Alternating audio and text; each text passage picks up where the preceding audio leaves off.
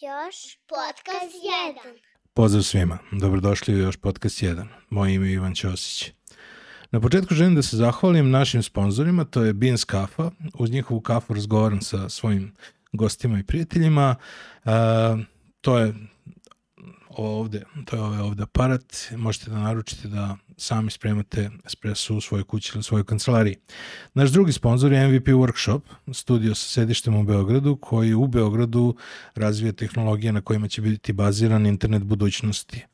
Uh, oni su remote first, tako da možete sedeti kod svoje kuće i raditi za njih. Ukoliko ste zainteresovani da kreirate budućnost danas u Beogradu, uh, kontakt njihov imate u opisu podcasta. A danas razgovaram sa svojom prijateljicom, osobom koja je dugi niz godina bila na čelu Erste banke, koja je osmislila program koji je okupio neke od, e, neke od najpoznatijih gostiju na ovom podcastu ko, sa kojima sam pričao do sada. E, njeno ime je Andreja Brbaklić. Dobrodošla. Bolje vas našla, odnosno bolje te našla. Kako si? Dobro sam, onako jesenje. Baš mi je drago da si ovde, zato što kada sam pravio konferenciju u Vršcu, ti si rekla uzmi pravi dobre stvari, podrška će uvek doći. Eto, I... jeste tako, zar nije? Treba nekad izdržati, ali u suštini je to isto. A znaš da ti to nisam napisao posle prve konferencije? Ne znam. To si ti napisao posle treće. Mm -hmm. Zato što je treća bila, znači prve dve su bile gore u Willy Break mm -hmm. i onda je treća bila u Millenniumu i onda kada sam napunio onako ceo Millennium, kada je to bilo puno onako sala, nešto što je za mene im bilo impozantno. I da kada, podeliš lepo Kada je to sve, sve krenulo, znači tad sam osetio kao ovo ne bih uradio bez Andreje. Mm. Znači, jer jako veliki problem kada... Znači, trajalo je da poveruješ. Pa da. Da je važno raditi dobre stvari da bi... Pa da. Za, znaš zašto? Zato što jako je veliki problem kako naći podršku na početku pre nego što si pre nego što si nešto napravio. Znaš, gde si, gde si bila kad sam bio niko? Yes. E, naći nekoga ko će da, da veruje da ćeš ti nešto da napraviš na samom Jeste. početku, kada nema neke podrške. Znaš, Jeste, iz... pa to je u stvari bila inspiracija za, za taj program. Super ste kad smo razmišljali ovaj, o strategiji kako i gde uložiti. Evo. Mislim mi sad to vezano za komunikacije, tu smo iz te struke i dosta ljudi sluša koji, mm -hmm. koji su ovaj, iz naše struke. A, um, taj 20. vek te nekako tera nekim putevima koji su uvreženi. Znaš, ono, stavi ovakav baner, ideš samo tamo gde je puno ljudi i stalno vijaš neku gledanost i posećenost i tako dalje. A u stvari put nije taj ti uh, treba da imaš jasnu strategiju i da radiš ono što ti ja ovaj, se uvek zezamo dobre stvari, da bi to vremenom donelo zapravo reputaciju. To što će tebe samo videti 10.000 ljudi malo znači za neku stvarnu vrednost. Tako da... Pa, da, ali smo počeli smo da živimo u društvu koje meri apsolutno sve u brojkama, sve se računa, sve je, znaš, ono, kao koliko od onoga što ja dam to proizvodi u nekom finalnom zbiru, znaš, i onda taj, taj da... Jeste, to vreme još uvek traje na neki način, ali čini mi se da nas je upravo, čak i ova korona, sve malo upitala šta ja hoću od života, kad su nas zaključali ono dva meseca, Šta ti vredi? Mislim, šta vredi nekom tamo milijarderu koji je napravio bunker i skladištio hranu za dve godine i ne znam, on je siguran kad dođe do ne znam kakvih sunčanih oluja, šta ću ja da radim u bunkeru ako ovaj svet ode dođe, vala idemo svi, jel? Da. Ali nekako nas vraća da preispitujemo prave vrednosti. Pa vidiš, jedna od tih, jedna od tih a, koncepata koje, o kojima smo tada pričali je bio e, rad od kuće mm. remote work i digitalni nomadi. Mm. I tad je bila varijanta kao kako ćemo mi da kontrolišemo sada da, da li će ljudi stvarno da rade. Mm. Pa zato što imamo stalno potrebu da kontrolišemo, kažnjavamo, da uterujemo Ali evo vidiš sad vode. tokom, tokom COVID-a, mm. znaš, kad ti je važno da se radi, nema veze kako se radi. I ljudi rade. Znaš, kako odjedan put sad ne moramo da kontrolišemo ljudi. Mm.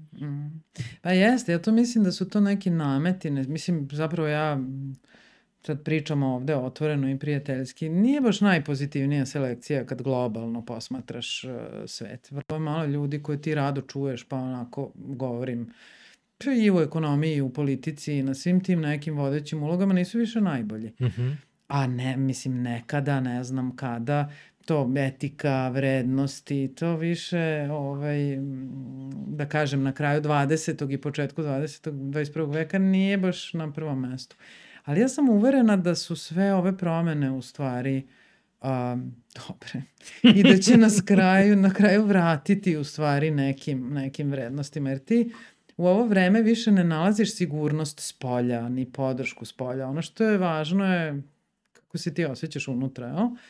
Da li si preplašen, da li si, mislim, toliko je distraktora, tako da te to negde na kraju te istera da, da ti sa sobom budeš okej. Okay. I to je u stvari i u tom kontekstu šta radiš, kako radiš, kako smo i došli do strategije. Ja, tu sam odšetala pa sam otišla na širu priču, sklona sam. Nema veze, zato sam te ovaj, zvao na dugačak format podcasta. Da, da, da. Kako smo u stvari došli od toga da podržavamo ljude koji, koji ne dobijaju šansu?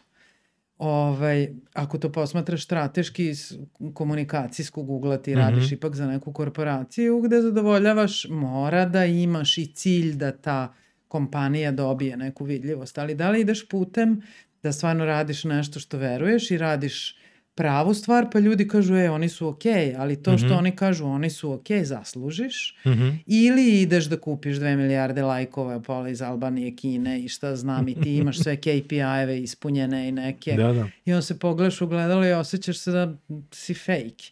Ili se pogledaš u gledalo i kažeš radim pravu stvar, a onda ti iznenadi neko na 59. uglu i to hoću da kažem, a, a, kada veruješ u nešto, radiš srcem, ta neka nagrada, pare, šta god, šta god se pojave. I u tom smislu je, mi smo bili mala banka, mi smo kupili Novosadsku banku, bilo je mnogo većih igrača, čak su se svi smejali, o, Erste banka, šta će oni da urade, pogledaj, mm -hmm. pogledaj kako ovaj, e, kako se ponašaju. I ja sam mislila da je primjerno, nismo imali ni budžete koji su ovaj, mogli da pariraju velikima. I onda smo razmišljali šta je to ono dobro što možemo da uradimo ovde, a da mm -hmm. to mhm. ne radimo kampanjski, jedna kampanja, druga kampanja, treća kampanja, nego da krenemo jednim putem i da to radimo. I sad se vraćam na onaj tvoj početak. I onda smo rekli, ok, mi smo mali, ajde da i mi, i no name smo, i mi se usposlimo, ajde da mi podržimo ove koji tek dolaze. Mm -hmm. Negde se nekako neki fokus morao, morao pronaći. I onda smo rekli, ajde da, da gledamo, da okupimo ljude, to ne bude meni se sviđa ovaj, ovom se sviđa onaj, nego da postavimo neki ozbiljan tim ljudi u koje mi verujemo da imaju integritet i neki značaj i da tražimo te male kojima treba taj, mislim nisu to nužno mali, to su uh, vrlo često vrlo kvalitetni koji prosto nisu dovoljno agresivni ili nisu vaspitani na način da ja nekog zovem je, ajde me podrži, nego, jer ja sam tako vaspitana, tebe neko treba prepozna i pohvali, pa mm -hmm. neko treba dođe pa kaže zaslužio si veću platu. Nismo učeni da idemo i da, i da grabimo. I tako je nastao i taj program koji je posle jedno 15 godina ovaj postojao i u stvari nam svima pružao radost i drago mi je da, da si to i ti prepoznao. Yes. Uh, to da konstantno mladi i ta, ta, neka, ta, ta neka pomoć malima, ti si, to sam shvatio matematički, uh, ti si najmlađi gost u ovom podcastu. Da, ja sam uh, forever young. ti si najmlađi gost u ovom podcastu, ti slaviš rođendan svake četiri godine. Mm -hmm. Jedna od redkih ljudi koje ja poznajem, a igrom slučaja danas sam saznao, postoji još jedna osoba koju, ove, koja je blizu nas, uh, Markova mama. o, ja isto upoznala sam samo ovaj psa kad sam kupovala muž od te žene. Mislim da sam da. lično upoznala Aha. samo jednog. Eto. Kako je to biti rođen 29. februara? To me ceo život pitaju i ceo život od osnovne škole. Ali ja, ja nisam čuo odgovor. Kaže, ja, ti samo ovaj, u jednom učednaška ciklinac. Ti jednom mm -hmm. pijao, jadna ti, pa ti nemaš svake, kad ti slaviš rođena? Ja sam uvijek odgovarala subotom. Mm -hmm. Ali ovaj, volim što sam, što tako to nekako je Ima posebno. nešto unikatno. Jeste i u stvari uh, um, šta to meni donosi? Moji ciklusi su na četiri godine. Znači meni čestitaju rođendane svake godine jer vreme prolazi. Iako ja imam 12 rođendana, ipak sam tu blizu pet banki.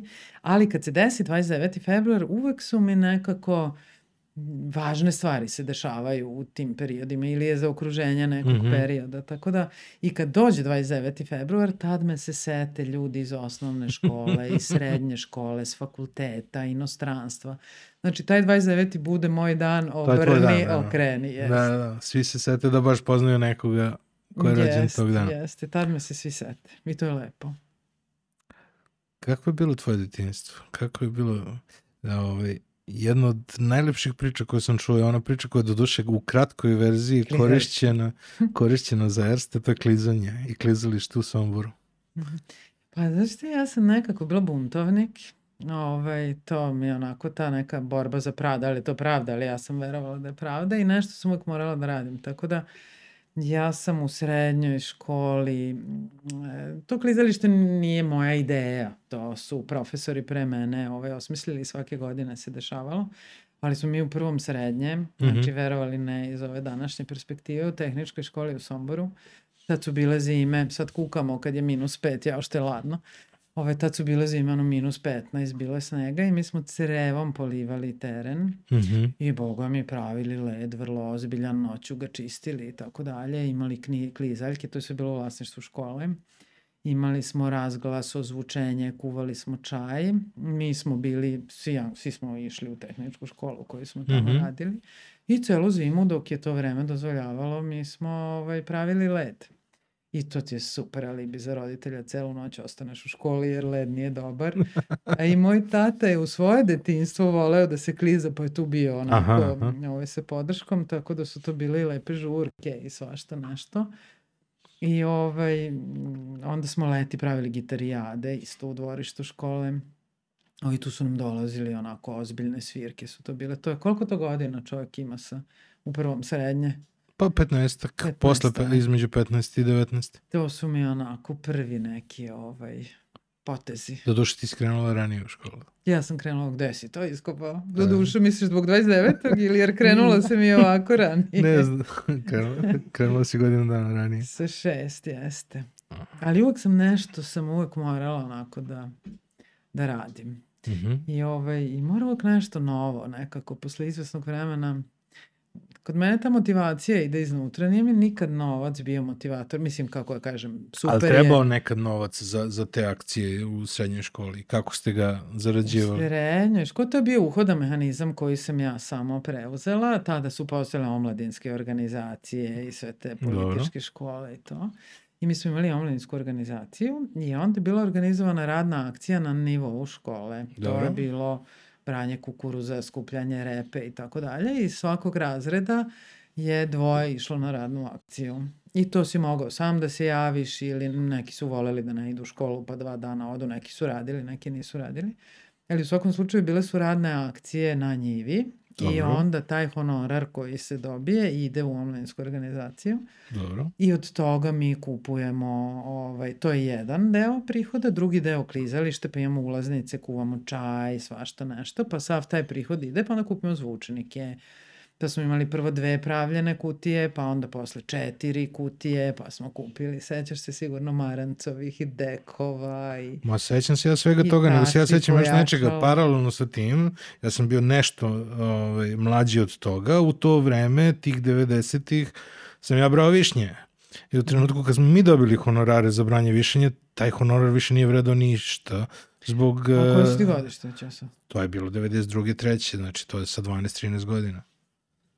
E, koji si ti godište? Ti si 80? 80. Pa da, ja sam 71. po školi, to je 9 godina razlike. Aha, to je bilo pre Moja 90. srednja je sve cveta. Aha, Očekuješ sad ćeš da putuješ, interrail, kreće, faks. Mene su te 90. kasnije stigle već na fakultetu. A smo to je bio fakultet. Mm. Ovo je prvi, drugi, srednje, znači to je to je još omladinska organizacija, Aha, još aha. uvek prime se tog nekog ovaj, Ona, ona rupa između 80-ih i da, ja sam 90-ih najlepša. krenula u osnovnu školu 77. Mhm, mhm. Znaš. Nismo, generacijski nas je u različito vreme. Da, ovaj. da. Sad kad si rekla kao, znaš, mi to radimo, pa to skupimo, pa to ostane, pa moglo. od toga kupimo. To je moglo. Znaš, ja To je moglo. pomislio sam da su to rane 90. pa sam bio kako skupite, kako ostane. To Ne, su ne, stvari to pre moglo. Nije tad 90. bilo inflacije. To je još ono 90. čekamo. Aiming Ja. high. Da, da. Da, da. da to mi je, da. Dobro, šta ti to naučilo te, te neke, u tim nekim srednjoškolskim danima? Šta si prenala za, za dalje odatle? Pa, Šta znam, možda mi je to dalo neko samopouzdanje, znaš, da uvek Mhm. nešto može da se... Tu opet sad zahvaljujem, to je bilo dva profesora fizičkog. Mhm. Je, jedna je Mira Trifonova, ona je bila razredna i Laza Momčilović, oni su u stvari imali, oni su to ovaj, m, pokrenuli, ali mi je dalo samopouzdanje da ja mogu, znaš, kad ti napuniš koncert, tu dođe 2-3 hiljade ljudi, pozvučen, booster, Mhm, mhm. E, to se vi već ne sećate toga. To je bio, on je radio razglas u Beogradu, pa znaš, kao svetlo, sve to. Mi naplaćujemo ulaznice, znaš, tu neke pare u onim kesama, gde ćemo pare da stavimo. Pa smo gurali ovaj, ispod strunjača u sali za fizičko, Mhm. znaš, kao ovde niko neće naći i tako. Ali niko ništa tu nikad nije mažnjavao, znaš.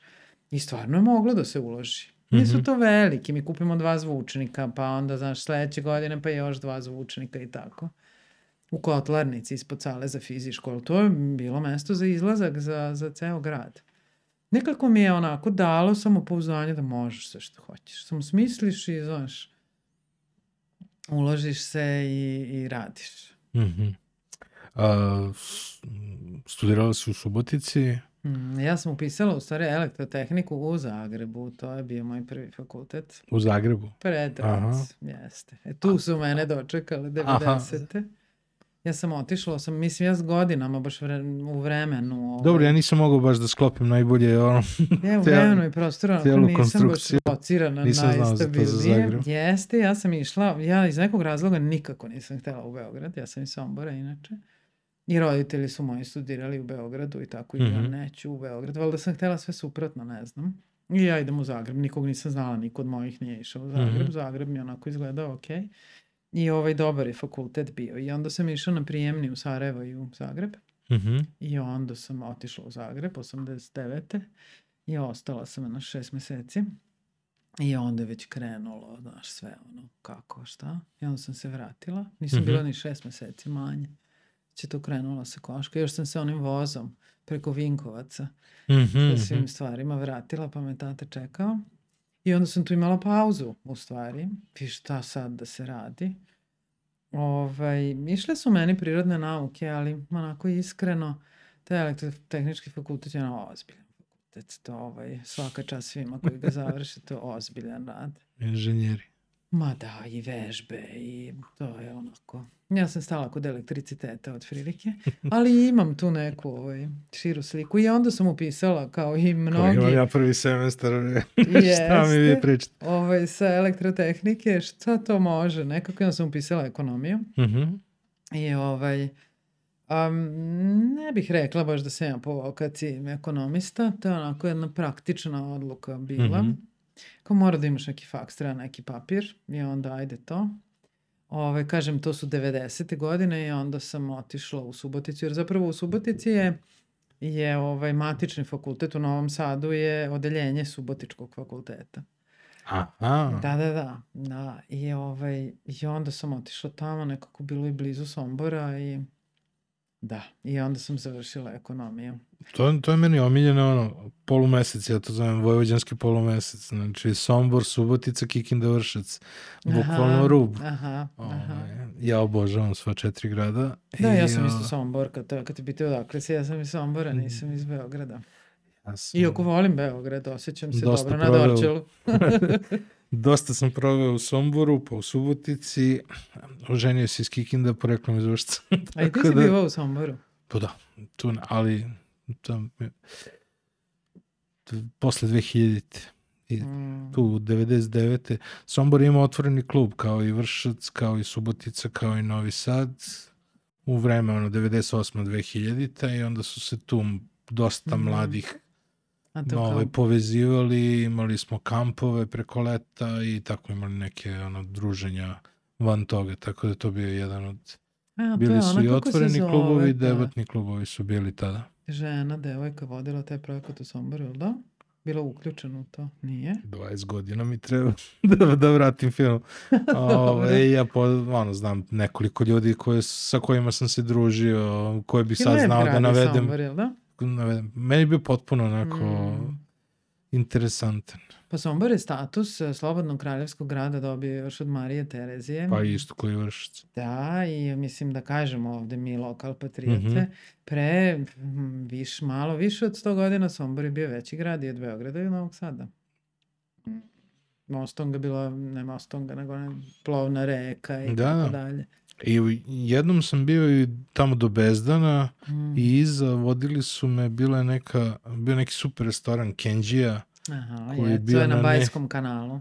I, ali to je sad kao onda, spada u onda su mi rekli kao to sad pripada Hrvatskoj, ali to nikada nije vraćeno Hrvatskoj, to se više ništa su ne zna šta je čije, ali govorim ti šta je bilo pre 20 godina. Jeste, oni su u duhu bratstva i jedinstva napravili tako da sad tu je Bezdan, tu je Dunav i onda su pisali, pošto smo mi večito zajedno i Mhm. braća, onda je o, sa ove strane reke su svi uknjiženi u Hrvatskoj, Mhm. a sa one strane reke svi uknjiženi u Srbiji. I onda kad je puko rat i reka postala granica, ti sad imaš vikendicu sa ove strane Dunava i vodiš se u knjigama u Hrvatskoj. A, A u stvari samo most je onako između.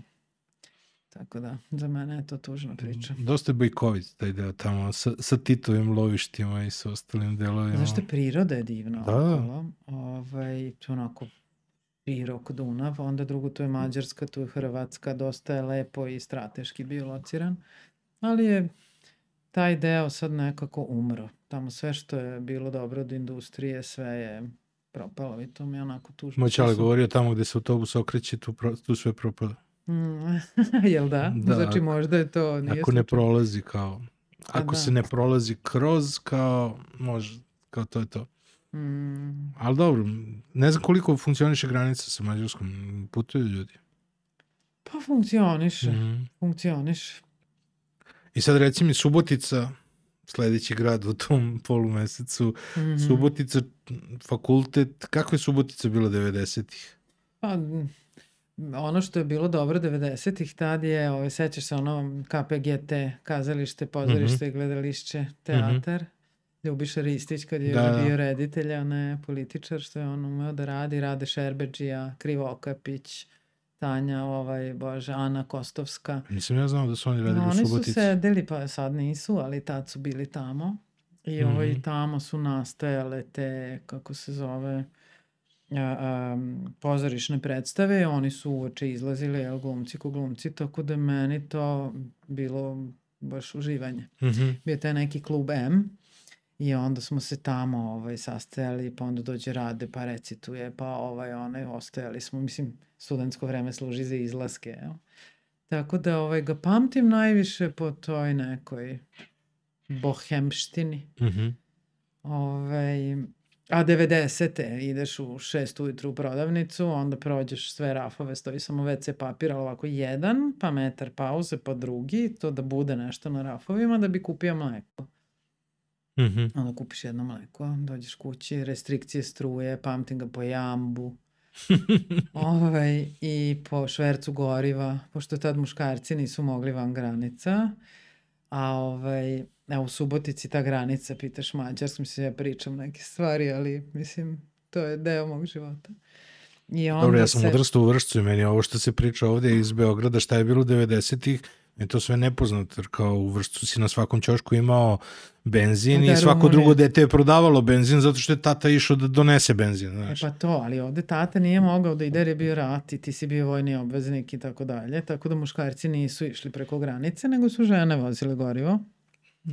Nisu išli muškarci, su žene su vozile i onda ima Mhm. dupli rezervoar, ti odeš, oni ti napune sve, tvoj zadatak je samo da pređeš, Mhm. sa one strane te neko sačeka, izvuče gorivo i ti se vratiš. Pa da.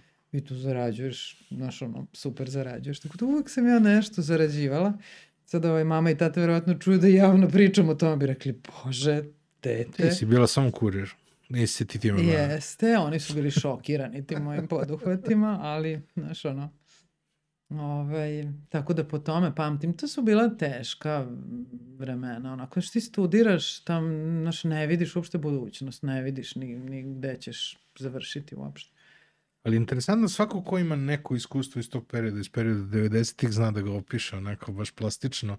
Znaš, očigledno je to, Mm. taj period ostavio onako ozbiljan Pa kako da utisak nije? na, na, na sve nas koji smo odrastali u nekoj Kako da mladosti sa, nije? sa tim 90-im. Znaš, svako bi znao da ispriča bar tri priče iz 90-ih. Znaš, i Sombor je bio ratna bolnica tada, jer Vukovar je bio dosta blizu. Da, da, da. Znaš, to, ti kad odeš u prirodu pored Sombora, Vukovar se čuo poprilično. Mislim, to onako, kako da kažem, uopšte ideja bilo kakvog rata i gde, Mhm.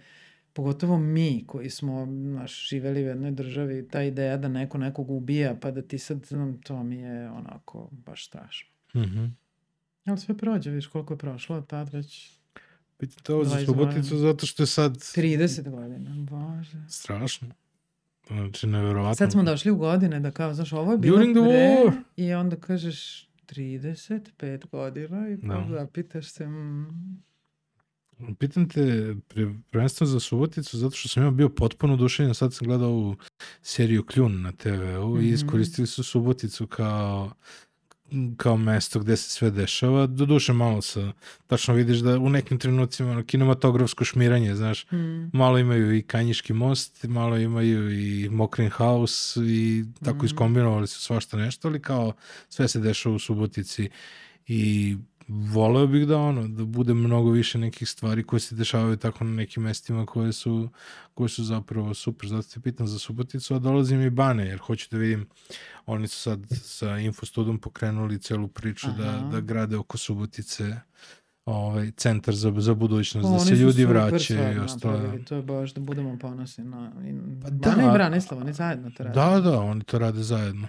Mm. Oni to rade zajedno kao infostud. E, izgleda da mora, da mora da stane jedan jak. Znaš, da mora da Njihova stane... mama je predavala, čini mi se, računovodstvo na fakultetu. ili Stvarno? tako nešto, da. O, pa sjajno. Tako da ja ih se sećam iz tog vremena. Mhm. Mislim, oni su mlađi malo, ali super je to što su, što su napravili. I baš me raduje kad, ovaj, kad ima projekata koji su onako zdravi. I Mhm. Dokaz da u stvari može, uvek može. Reci mi, kada si počela da se interesuješ za, za komunikacije i za PR? Tek po povratku u Beograd ili još na fakultetu? Pa ja sam na fakultetu, na fakultetu završila smer eh, marketing. Mhm. ovaj, kod uh, profesora Steve Vasiljeva, koji je za mene stvarno jedan od autoriteta profesora. On nije bio toliko poznat zato što je predavao u Subotici, Beogradski fakultet je uvijek bio veći i tako dalje, ali je onako bio format. Mhm. I profesor iz stroga, ali imao je širinu. Marketing ipak zahteva nešto više od, kako kažem, zahteva multidisciplinarnost. E, on je tu bio a, a, dobar da to prenese na taj način. I onda, znaš kako je u životu? Ja u stvari sve više razmišljam šta mi biramo, a šta bira nas. I sve više mi se čini da ipak nas nešto izabere, odnosno otvoriti se neka prilika. Tako sam ja krenula putem marketinga, a onda su se otvorile komunikacije kao, kao jedna nova disciplina. Mhm. Ovaj, radila sam kod Žoce, prvo sam počela kao volonter u Mark planu još, još tada. Ovaj, pa sam radila kao volonter, pa su me onda zaposlili i tako, pa sam onda posle Mark plana me vlada ček, svoj dođe pravimo agenciju, kod je kako. I onda smo, ovaj, a on je napravio dogovor sa Slovencima Mhm. i agencijom Pristop, koja je tada pa u regionu bila vrlo jaka. A, I ja kažem, ajde i onda igram slučaja. A Dejan Verčić, koji je bio jedan od suvlasnika agencije Pristop je i sada, mm, kako bih rekla, evropski pa i svetski autoritet u oblasti komunikacije. Mhm. Tako da sam imala sreće da to strateško razmišljanje i uopšte o PR-u učim od njega. On predaje, mislim i na London School of Economics, predaje i u Ljubljani i u Zagrebu. I prosto je jedan um, ozbiljan teoretičar iz, iz, iz tog domena. Mhm. I onda sam se ja tu zatekla, pa otud komunikacije. A reci mi, Pristup je za mene bio prva PR agencija za koju sam ja čuo. Jer jeste, Mada, ja. mada sam, Ma, divno. a, ali prosto valjda se tako otvara, znaš, mm. ono, Mm. posle toga se, se malo ovaj, otvori perspektiva, pa je, što znam, tu, tu se pojavljaju Olaf, pa ostali. A, Pa jes, mislim, jesmo e, među ko, prvima ko je bio, ko je, kako je izgledao uh, PR ekosistem kada ste vi otvorili pristup u Beogradu? O, pa za šta? Ovaj, tu sad opet hvala što smo imali od koga da učimo i što je u Slovenija ipak bila mm. -hmm. ispred nas u tom smislu, ali zapravo te nove discipline su donosile, ako ćemo iskreno da govorimo, multinacionalne kompanije. Kako dođu stranci, oni nose i znanja Oni i žele projekte. određeni nivo podrške. I imali su, tada nisu postojali PR menadžeri.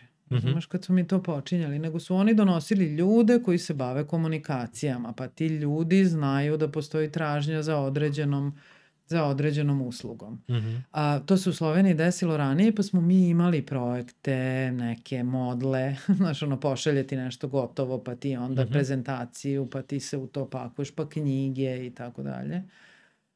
Ove, ali tada nije još postojala ta funkcija, to je sve bilo u okviru marketinga i to je zapravo pre tada, kad smo mi na, ovaj, radili u pristopu je postojao SDK, nemačka marka je još uvek postojala, znači to su neka drug PDV nije postojao. Mhm. To su neka ovaj, zapravo povoj, povoj i nastanak te struke ovde na, na našem području.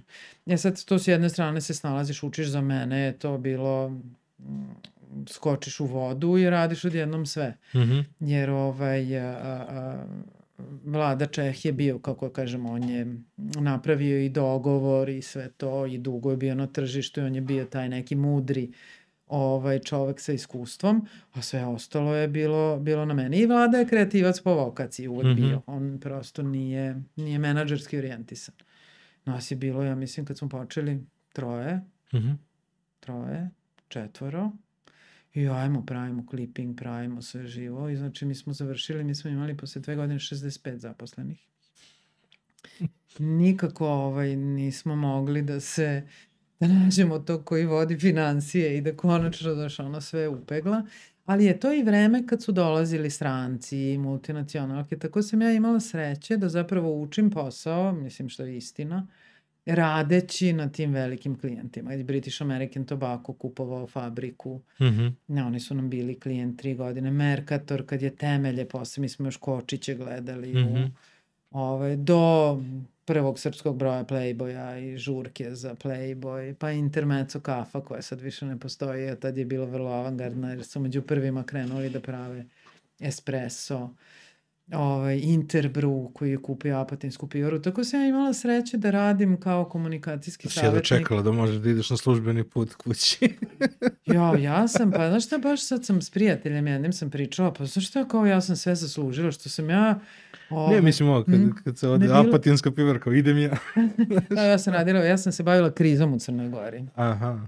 Ovaj, što je isto bilo onako interesantno, dolazi žena u Nikšić, gde se sindikat zaključa u fabriku naoružan i ne daju, jer su stvari su funkcionisale na način naš jedan kamion fabrici i pola nama. I to je bilo onako, kako kažem, neko nepisano pravilo, svima se tu malo davalo i odjednom dolaze Belgijanci, znaš, kao uvodi se neki red, ovi se zaključali u fabriku, uzred sezone, leto, znači sezona piva, naoružani i ne izlaze. Mhm. I sad dolazi žena iz Beograda u Nikšić, kao sad ćemo mi to komunikacijski da razrešimo. Sećam se, ovaj, znam, neki, neki privatni smeštaj je bio i sad ja ulazim, stižem sa aviona, dočeka me vozač i kako ulazim u taj hotel, ovako špalir sa desne strane, no deset, konobar, kuvar, I ovako kako ja prolazim, oni me ovako gledaju, znaš, i sad verovatno je stigla je ovo ili ne zbio ih onako isto pogledam, znaš, prođem do sobe. Ne su ti neki interesantni momenti, ali sam imala sreće da u stvari, opa, Nešto je palo. da, šta obično padne, telefon. Tvoj. Ovaj, ali sam imala sreće da, mm, da naučim u stvari tada posao. Ali to su i vremena. To, anegdote su najbolje u podcastima. Kad nešto ispričaš onako iz prvog lica. Reci mi, a pominješ Vladu Čeha, pominješ e, Žozefa Lončara, a, očigledno su svi ti neki ljudi koji su ogromne veličine u komunikaciji, u komunikaciji, u marketingu, kod nas nekako uvijek prolazili na, na sličnim mestima ili bili na istim mestima gde si ti negde počinjala. A, šta si naučila od njih, šta si naučila u radu sa njima, ko su neki ljudi koji su ti onako ne, dali neke savete koji su onako ostavili uticaj, utisak na tebe? Znaš, ja u tim godinama baš nisam bila osoba koja sluša savete, naročito. Mhm, Mislim, mhm. mm, jesam slušala savete, ali ja sam tad, znaš, ono, mlaci, ideš, guraš, ovaj, stariji manje znaju uvek od tebe jer ti Mhm. imaš neke ideje, ali zahvalna sam i Žoci. Žoca je, mm, mm, Žoca je čovjek strukture i Mhm. ono što je kod Žoce kapa dole, znači, a, on čovek i dan danas je na Facebooku i njegovi postovi imaju ovaj, ljudi komentarišu, lajkuju i tako dalje. Žoca je, e, kako kažem, poznavao e, struku. Mhm. Marketing se percepira da to svako može da radi, to su uglavnom tamo neki spotovi, super muzika, svako ima mišljenje o svemu. E, Žoca je, mm, kako bih rekla, možda od svih a, a, iz, iz te generacije, iz tog vremena, najšire je postavljao, postavljao priču. Svrha tog marketinga jeste plasman nečega, to nešto bi valjalo i da je kvalitetno, ne Mhm. možemo da pravimo priču ni oko čega. Mi smo to sad sve pomalo onako se pomešalo, zato ja mislim da je vreme advertisinga prošlo. Tog, iz tog vremena na kom smo mi porasli. Mhm. Ovo su sad neke, neka su druga, druga vremena gde sve više um, kredibilitet, kome veruje, što je jako veliko pitanje, mediji su u ogromnoj tranziciji, sve više dolazimo do pojedinaca, pa Mhm. tako sad je ovaj tvoj podcast, da li je Ivan neko kome ja verujem, poslušat ću da, aha, doveo ove, da verujem mu, odem kod njega da čujem to. Znači, sve više je ime i prezime, sve više su pojedinci koji tumače stvarnost i daju svoje verzije stvarnosti. Mhm. Sve više tražiš, jer nemaš kome da veruješ u ovoj mas produkciji. I onda je bio pokušaj u tom svetu advertisinga da se kao preorijentišemo na vrednosti, jel, pa Nike, pa ovo, pa mi prodajemo više, ne, ne toliko lifestyle, nego neki vrednostni sistem. Mhm. Pa onda CSR, sad svi ulažemo u CSR, pa smo onda dobri, pa da li to radimo stvarno ili radimo da bi nas neko percepirao dobrim, ali postoji ta potreba da se ide u nekom u, u nekom drugom smeru. Tako da Žoca je bio stvarno temeljan i to sva 4P, pa ne znam, znaš te neke ovaj, struktura, publikacije, majstor je bio da napravi konferencije, okupljao je sve profesore, znači preko njega si mogao da upoznaš autoritete zaista. Mhm. A Vlada Čeh, on je opet, mislim, njih, s, njima dvojicom sam to kad sam počinjala. On je onako mm, kreativac. Mhm. Čovek od reči, čovek radija.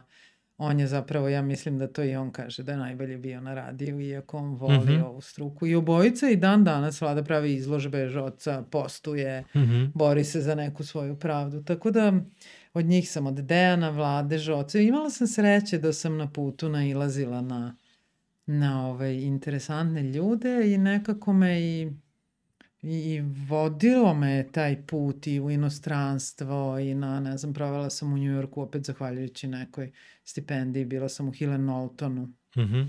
mesec dana. Ovaj, to je bio isto mentorski program. I zapravo posle toga, ovaj, Bože, gde sam ja bila kad sam, da, tad sam još bila u pristopu. To je to vreme kad se Mhm. ja profilišem nekako za komunikacije. A, dobro, tada nisi možda slušala nešto, bilo ne, negde da se vratiš kao posle nekog drugog vremena, kao ja, oni su mi to rekli, kao sad se sećam kad su mi rekli, kao kud ih nisam poslušala ili tako nešto. Da. Mhm. Ovaj, Da li ima neki savjet koji je tako uticao na tebe da ti promeni neku perspektivu iz tog nekog vremena? Ne znam, Žoci ja smo se stalno svađali, ja sam stalno razmišljala drugačije, Aha. ali sam puno naučila iz tih njegovih, tako da ne pamtim ne, ne, njegove rečenice.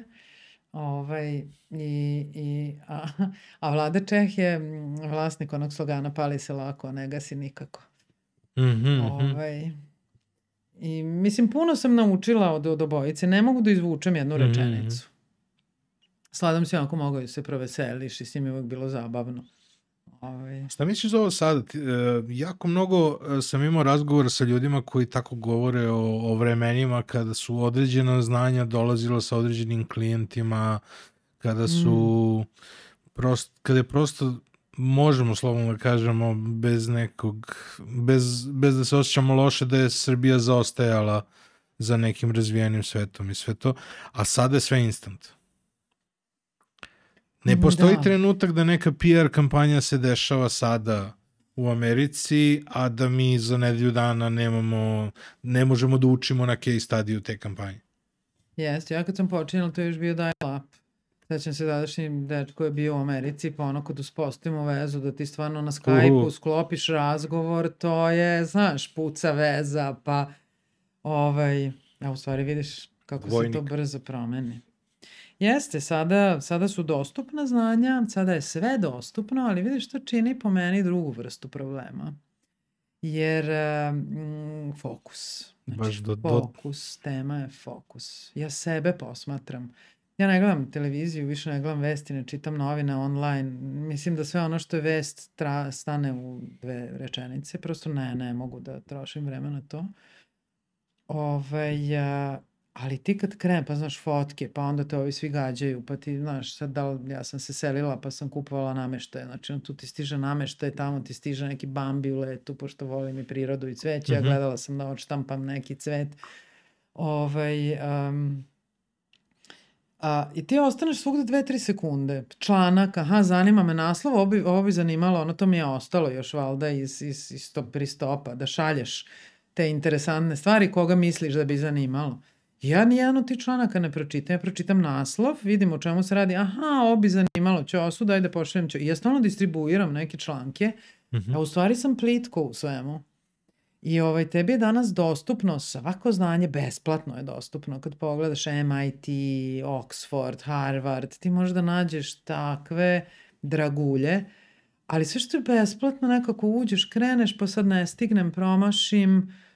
Znaš, ovo mislim da je neko vreme gde se u stvari svi tražimo. Zašto ja mislim da je ovo interesantno vreme? Ja mislim da je ovo u stvari kraj e, liberalnog kapitalizma, da je on sazreo i ovo je u stvari Mhm. jedan, jedan, jedno stvaranje novog društvenog uređenja. Takve stvari se ne dešavaju preko noći, mislim da je to ozbiljno počelo Mhm. i da smo mi usred toga. I možda ovo izgleda sve zeznuto i nesigurno i nestabilno, ali ljudi moji, mi smo baš istorijski onako u jednom važnom momentu. I ovaj, i Samo što si ti jedino pozitivno ko o tome priča. Pa da, ali to je, ali Svi su fazonu kao da ide, ulazimo u novi kolonijalizam. Ja, kao izlazimo iz liberalnog kapitalizma. Pa mi idemo smo u u- tranziciji, Pa da. tranzicija jako boli i ne znaš gde ćeš završiti, neizvesnost boli. Znaš, ti kad gledaš koliko zanimanja nestaju, turizam, za ove dve godine ozbiljni problemi, avioindustrija, Mhm. neka zanimanja potpuno nestaju, sve ide u digit... Ovo, ovaj rad od kuće nam je dao zapravo do znanja da možemo dosta da uštedimo. Tako što ovaj, ne moraš da držiš te neke velike ovaj, zgrade i tako dalje. Tako da, ovo je promena. Tranzicija je bolna, ali ako se raduješ da si u stvari deo tog stvaranja nečeg novog, ko zna čime ćemo ti ja da se bavimo za 10 godina. Sad je Znam. 10 godina, znaš, mi sad pominjamo dial-upove, to izgleda kao da je stvarno bilo jako daleko, a to je, mislim, mi još uvijek nismo toliko matori. Pa nismo, ali jednostavno neverovatno koliko se to sve ubrzava i šta nas, šta nas još čeka. Znaš. Ja lično očekujem a, velike proboje u nauci. Mhm. u medicini, tehnologiji. Mi nismo svesni u stvari kad se dešava, jer, kako da kažem, u čoveku je ta neka inercija na, na promenu i što si stariji, to više tražiš nešto poznato i sigurno i tako Mhm. dalje. Ovaj, trenutno se moći preraspodeljuju kad pogledaš. Mislim, Amerika je dominirala poprilično ovaj, godina, tu se sad menjaju stvari. Naravno. Znaš, mi smo ovde zatvoreni, strah vlada na sve strane, što je uvek uh, jako dobro sredstvo manipulacije. Na kraju krajeva i u multinacionalnim kompanijama, ako govorimo otvoreno, strah je bio jedan od ti stalno radiš, ali stalno si uplašen da ćeš ostati bez posla. Iako, znaš, uvek si u nekom onako... Strah je jedno, jedan ozbiljni, ozbiljan alat za, za manipulaciju. Da, Ove, tako da ljudi oslobodimo se straha. Mm. Mislim, postoji samo strah i, i ljubav. Ovaj život došli smo kratko ovde da boravimo. Iako mi nismo sposobni da ti ovaj, male stvari čine u stvari sve nas radosnim. a šta misliš da, da nas tek čeka kasnije? Ko je to ne, kada se završi liberalni kapitalizam? D- Ma, znaš Gde šta, vidiš to da će sigurno društvo- nije hiruški rez i ne dešava se preko noći. To će Razumem. sad trajati, trajaće sve to. Ali je on, kako kažem, već se stvara novo društveno, društveno uređenje. Ja iskreno Došli verujem, do te kakofonije informacija, znaš, da ti više ne znaš šta je Ne signal. veruješ nikome, ne nemaš veruješ nikome, ne znaš šta je signal, šta je šum, znaš, više, to, to, toliko obilje više informacija, najlakši način više nije demantovati neku informaciju, nego... a, nema vremena za demantiju, dolaze Naj, nove, najlakše nove, da, ga, nove. da zatrpaš sa nekom drugom informacijom. A, a zapravo e, informacija, ozbiljnih informacija je jako malo. Mhm. A, pristup a, i pristup svim, da kažemo, ljudima koji su nešto, e, koji su nešto značili na komunikacijalnoj sceni kako kod nas, tako u regionu, ti je doneo jako puno kontakata. Kako si se odlučila za prelazak u Erste banku?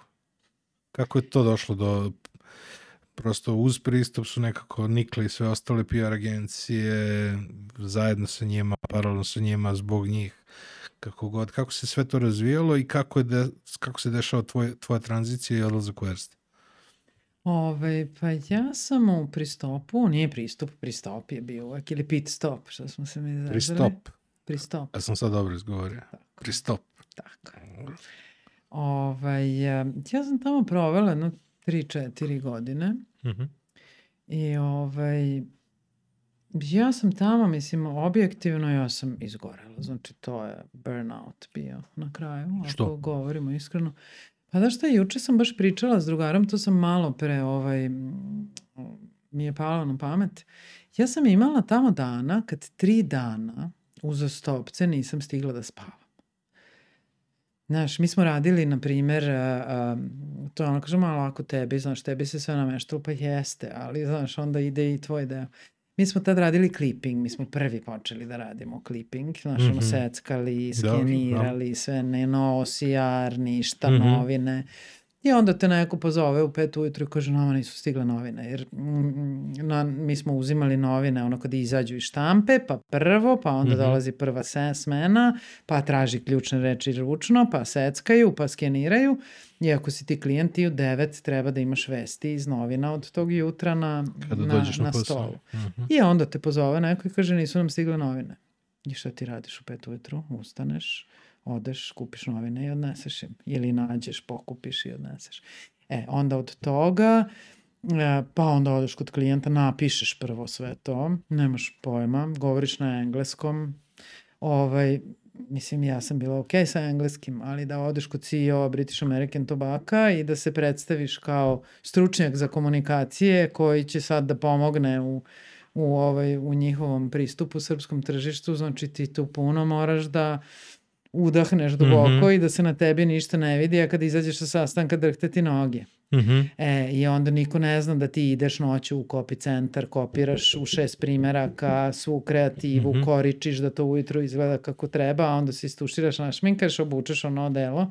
Uvijek sam imala problem sa tim dress kodom, ali sam shvatila da to uvek, ali sam shvatila da to olakša. Kad se obučeš kao i oni, nekako te prihvate, a kad teraš svoje, to sam brzo naučila da je bolje da se, ovaj, da se obučeš kako se to ovaj, očekuje. E, jednom se desilo da ja tri dana tako nisam stigla, jer noću kao naravno sve radiš dan za dan jer ne stižeš ranije. Mhm. On praviš prezentaciju, kopiraš, sve ukoričiš, istuširaš, sve odeš na posao, onda ujutro odneseš novine, pa dođeš opet na posao, pa sedneš sa ljudima, pa onda opet noću radiš.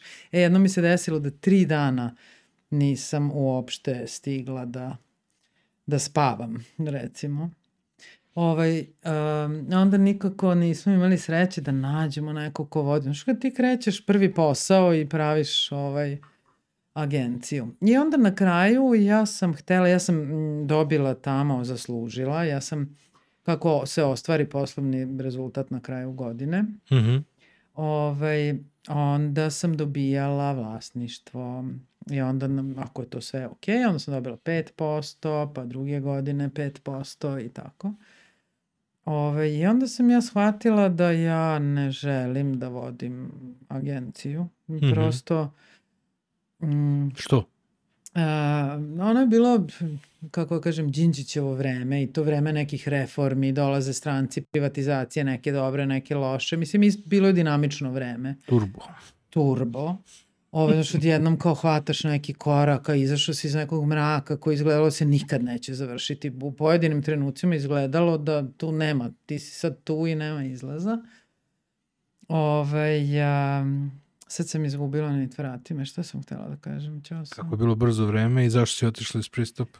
E, i, ovaj, i onda sam ja rekla, ja sam tu već dobila i neko vlasništvo, ja volim, ja volim da radim, ja volim da imam hands on. I, ovaj, I onda sam ja rekla da ja ne bih da budem um, na čelu agencije, ali već sam tu i suvlasnik i tako dalje, ja bih voljela da budem savjetnik.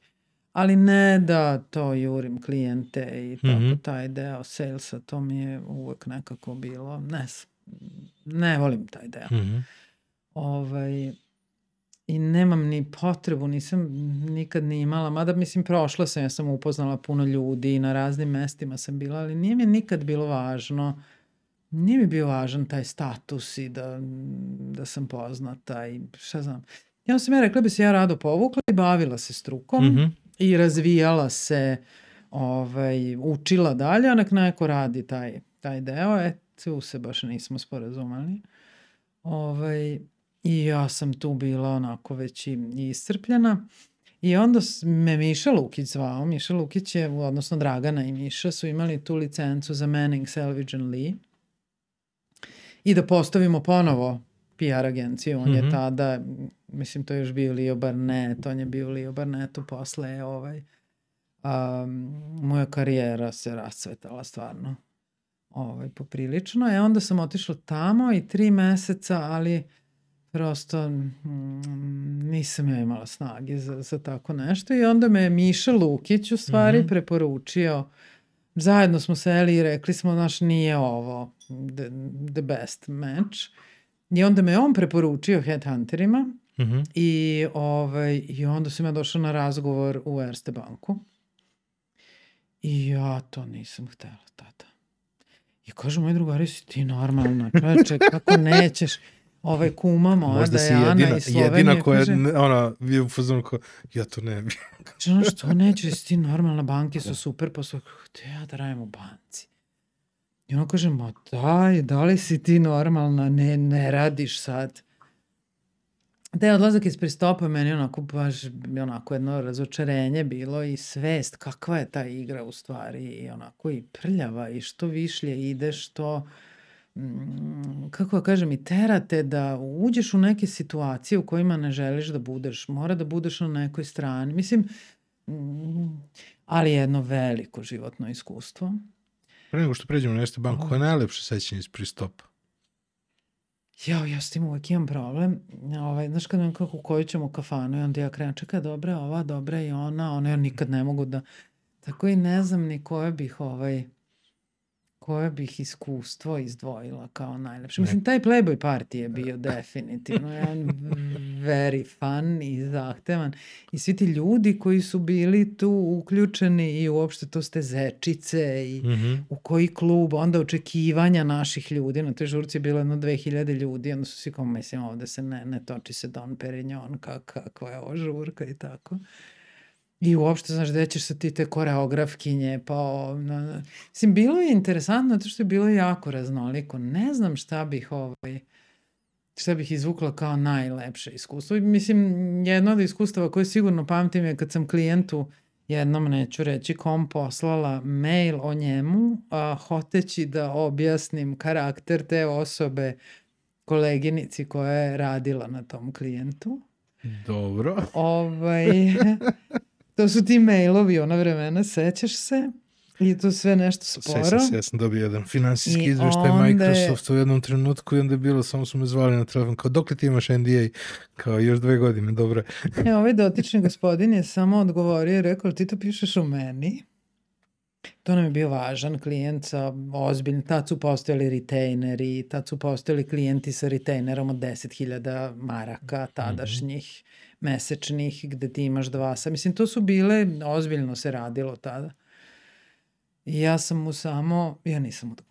Da, je, mislim, nisam znala šta, šta da odgovorim, a bilo je, a ja sam onako detaljno opisivala kakav je on i mislim, to iskustvo ću uvek zapravo, i sad imam taj osjećaj onako, ovaj, vrlo neprijatan kad se setim toga. Mislim, nisam ja napisala ništa što ne mislim, ali je, izgubili smo klijenta, naravno.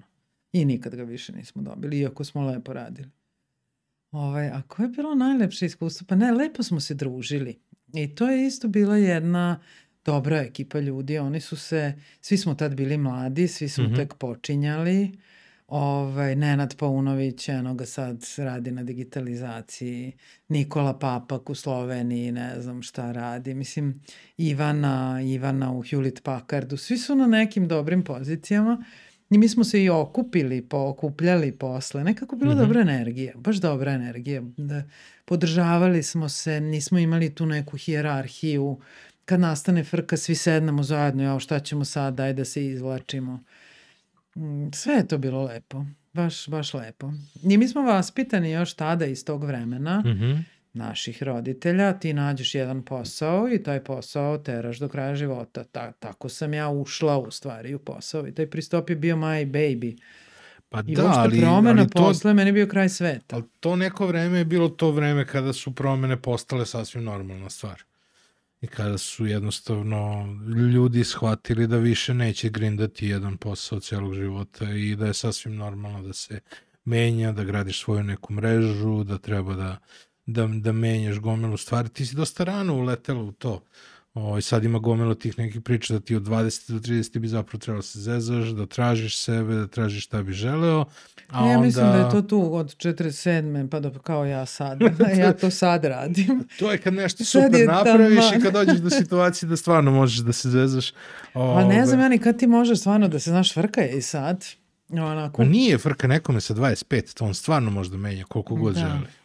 Da, da, pa prosto jest. da, da biraj. Kao, jeste druga su vremena. Da, u 30. bi trebalo da se fokusiraš na nešto što gde ćeš rasti, individualno ili unutar nekog sistema i onda u principu da četir, od 40. do 50. prodaješ svoju ekspertizu. Mm, ja se očekujem novu jednu karijeru, još uvijek ne znam u kojoj oblasti. Čekam da mi se ovaj, ja. otvori. Ajde, uh, Erste, koja je prva uloga koju dobiješ tamo? Erste, kažem ti, ja prvo sam bila u fazonu, ma neću, radimo banci. Da. I onda oni kažu, ne, budi luda, pa ajmo na intervju, pa ja odem na intervju, pa oni kažu, hoćeš ti ovaj, u redu, ajde sad na intervju u Beču, pa taj CEO tadašnji, ja kažem, ja moram da razmislim, ko što ti stvarno razmišljaš. Ja kažem, pa moram, kaže, ali super su oni. Pa kažem, pa verujem, ali znate, velika je to odluka i stvarno nisam uopšte, uopšte nisam bila srećena. Mm -hmm. Nego sam bila, sad moja, moram da se zaposlim, pa vreme, pa možda i dobro da imam korporativno iskustvo. I onda sam otišla na razgovor u Beču, pa sam se vratila, pa su me onda pitali da li hoću da vodim i komunikacije i marketing. Onda sam ja to odbila i rekla sam ne, ja hoću da vodim samo komunikacije. Ovaj, što sad iz ovog ugla, šta znam, mislim, možda je tad bi bilo bolje da sam prihvatila oba, nekako bi bilo šire. Na kraju su ti zapala oba sad, ne? Ali ne, ne, nego, ne, ja moju naslednica je dobila oba. Mm -hmm. ovaj, nisam ja nikad vodila marketing, uvek samo komunikacije. Marketing mi je bio previše, znaš, ono cifre, prodaja, previše, sad ovo govorim intimno i ne želim nikoga da, da uvredim, ali uh, sve to nekako išlo u nekom manipulativnom smeru, pa ja sam hvala slobodu, da tu kad je neka kreacija, da nemam puno koji te usmeravaju na, na, na, na neke koloseke. Tu se ono meri, kakve su sad ta merenja, koliko to se stvarno baš meri prave stvari, pa onda mm -hmm. to mhm. referišeš tamo u Beč, pa uvijek ima neke politike, pa ko se bira od agencija, znaš, ja to nekako nije me privlačilo, tako sam ja vodila samo komunikacije, ali sam došla onda sam prihvatila. Mislim, znaš, kao došlo mi je no, u glavu i da, ovaj, da ja treba tu priliku da, da prihvatim i to je jako lep period u stvari mog života. Tu više nisam ni bila klinka, jako puno toga sam radila. U tom pretvetu sa ta moja nespavanja i sve to je u stvari dalo jednu osnovu gde je, znaš ti odeš iz agencije. Otišla sam u banku da se naspao.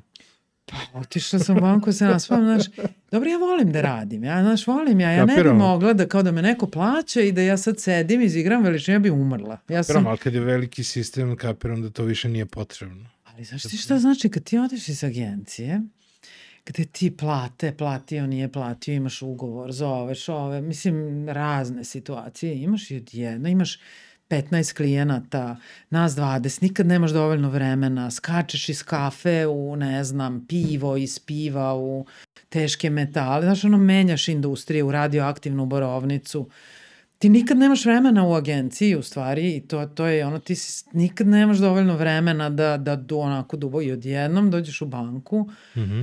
budžet, znaš, ono sad da ne govorim cifre, ali znaš koliko ti zaradiš na jednom klijentu za ne znam koliko, imaš jednog klijenta, velik budžet, imaš pet zaposlenih i agenciju. Znaš, i, kao, i imaš računovodstvo, pravnike, znaš, Kompletnu sve te, podršku. sve te delo i oni su i njima šalješ račune, oni to, znaš, faktu, ovo stiže. Tako da to u tom smislu je, znaš, za mene bilo kao, i imaš platu koja je isto, znaš, ono, bonuse. Ovaj, ali sam ja došla u Erste banku u periodu kad je Erste banka kupila Novosadsku Mhm. banku, znači tu je trebalo sve postavljati od nule. Mhm.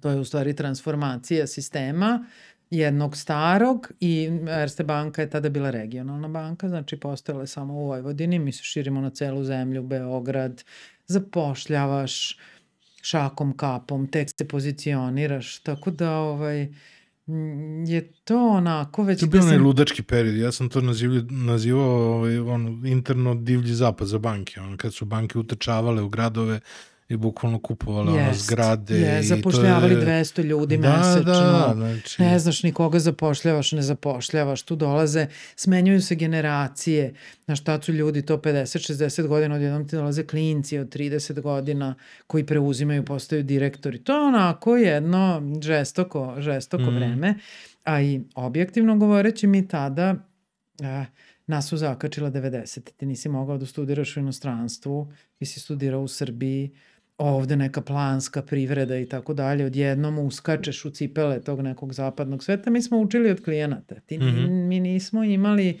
sloj menadžera koji je prošao kroz škole i koji je obučen za to, nego dođeš, nalaziš se. Ko prošlo 10 Ne, godina, mislim, to je- negdje gde to radi. To jeste tako. E, onda su krenuli treninzi, učenja, znaš, sad je to već druga priča i to ide u stvari brzo. Mhm. Znaš, ti kad pogledaš za pet godina se promeni landscape neverovatno. Ali ovaj, taj deo u, u Erste banci, to je onako lep, lep, meni je jedan lep period. Moja baka je umrla s 95, rođena je 903. I kad je pitaš kad je bilo najlepše, u kojoj državi je promenila, mislim, šest pasoša. Ili nešto su bili i Rusi, i Austro-Ugari, i ko sve nije promarširao kroz Sombor. I ona kaže, pa za šta, kad sam bila mlada. E i u tom smislu i meni je Erste banka došla kad sam već imala neko iskustvo, neku zrelost relativno i onako mi se otvorio prostor za, Mhm. za, za neko stvaranje, zahvalna puno na, na slobodi koju sam, koju sam tamo dobila i na poverenju da to što mi radimo ima smisla jer je bilo potpuno s Marsa palo vrlo često. Da ti nekog ubediš, znaš, onako, "Ma, ajmo da radimo, znaš. Mhm. Tako da hvala im na tome što su verovali, što su verovali u to, a i tad sam bila u tim godinama. Znaš što kad sam ja sam tamo otišla tu negde 30 i š- ne znam ni koliko sam imala, ali da, nešto 3, 3 4 pa do 46. 7. To ti je onaj neki pik ovaj, u, u, nekom smislu. Ali si ipak tamo preuzela nekoliko različitih funkcija. Vremenom. A posle sam preuzela HR. Mhm. Um, mislim sad govorimo o baš- mom ličnom Baš voliš mišljenju. mnogo posla. Pa zašto ja, ja volim izazove. To što kaže, ja volim to, ono, ne, ja volim da rešavam probleme. Evo, Da mi Mhm. svi koji krenemo iz agencije, iz tih, volimo da je to uvek nešto, Mhm. nešto novo. Ne volim da mi je dosadno. Ja volim nešto što je, naš veliko i ne volim nikad da se poredim na što sad kao ko je ovo, pa mi ćemo ovako. Ja sam uvek gledala, znaš, gledaš što se dešava u svetu i gledaš te najbolje i gaziš malo Mhm. intuicije, malo nekog znanja, malo hrabrosti, ludosti. Možeš biti hrabar da, da, da, da krčiš te neke. Mislim, neću kažem da, da smo krčili, ali je- jesmo uvodili neke, ne, neke nove načine Mhm. razmišljanja, čini mi se. Ovaj, pa da, i onda sam, znaš šta, komunikacijska industrija nekako nije se razvila baš u smeru kako ja vidim komunikacije i kako ja vidim značaj a, a, komunikatora. U, po, po, komunikacije su postale dosta onako desna ruka koja lansira ono što je poželjno da se lansira. Ja ulogu mm -hmm. komunikatora zaista vidim na način a, a, da ima ozbiljno učešće u, u kreiranju velikih strategija mm -hmm. i ozbiljno mišljenje. I zato mislim da komunikatori osobina number one integritet. Znači ne, ne treba mi da budemo spin doktori i tako dalje. Ta neka etika, vrednosti, A to je nekako je dosta struka otišla nekim drugim smerom u odnosu Postaviš na to. svoje vrednosti pa prosto pridržavaš se njih i želiš da ih da u svakom svom nekom svakoj svojoj komunikaciji se Znaš držiš ja njih. Verujem? Ja verujem da svi znaju šta je ispravno, šta nije ispravno. Ja stvarno verujem da to svi ljudi znaju. O, znaš onako kad sedneš pa pogledaš duboko i sad da li sam ja u pravu ili nisam u pravu.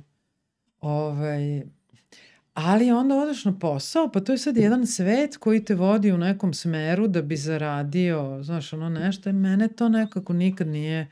A znaš šta mi je ideja za ovaj sto? Šta? Hoću da oštampam broj šest, Da? koji je usmeren ovako. I ti vidiš devet, ja vidim šest. I Mhm. oboje smo u pravu. Mhm. Postoji takve situacije. Hoće da kažeš to šta je istina. Pa, postoje situacije, kako da kažem, kad si u tom svetu sigurno, ja sam sačuvala neki idealizam, pa to ne znam, u 50-im baš da li je pozitivno ili nije. Idealno je kad je osmica, znaš, kad vidimo isto. Ali, ovaj, ali istina je relativna, jer ti i ja možemo imati različite istine, ali ono što je važno i ti sigurno u tom svetu neke odluke mora prihvatiš kad uđeš ali je pitanje da li ti praviš kompromis sa svojim sistemom vrednosti, da li svojim, ne znam, nekim, ja verujem da svi znaju koji je sistem vrednosti, da li imaš dovoljno hrabrosti na toj poziciji da se suprotstaviš ako treba, znaš, ono, i da guraš to svoje, pa sve i da ne prođe. Mhm. Ok, neko donosi više, ali da ja ostanem dosledna u, na, na onome u, u šta verujem. Nekako se izvitoperilo i meni se čini danas kad kažeš znaš, ono PR menadžer, kao, aha, važi. Znaš, onda su krenuli ti PR menadžeri kafića, pa sve te. Ima izuzetnih ljudi, naravno. Ovaj.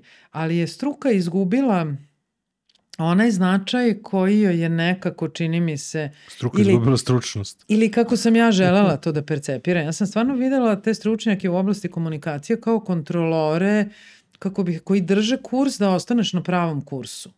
Znaš, pratiš Mhm. okruženje, pratiš kako okruženje diše, naravno uvek imaš neke ciljeve kompanije, nekad se nešto proguta, nije sad to tako idealistički, ali um, znaš, ono kad pogrešiš da izađeš i kažeš da, pogrešio sam. Mislim i to toliko priče oko tog kriznog. To je sve je prešlo u neko zataškivanje, u neko, znaš, ja zaista recimo ne vidim problem da se 10 banaka okupi i da zajedno podrži nešto što je značajno za, za ne znam koga.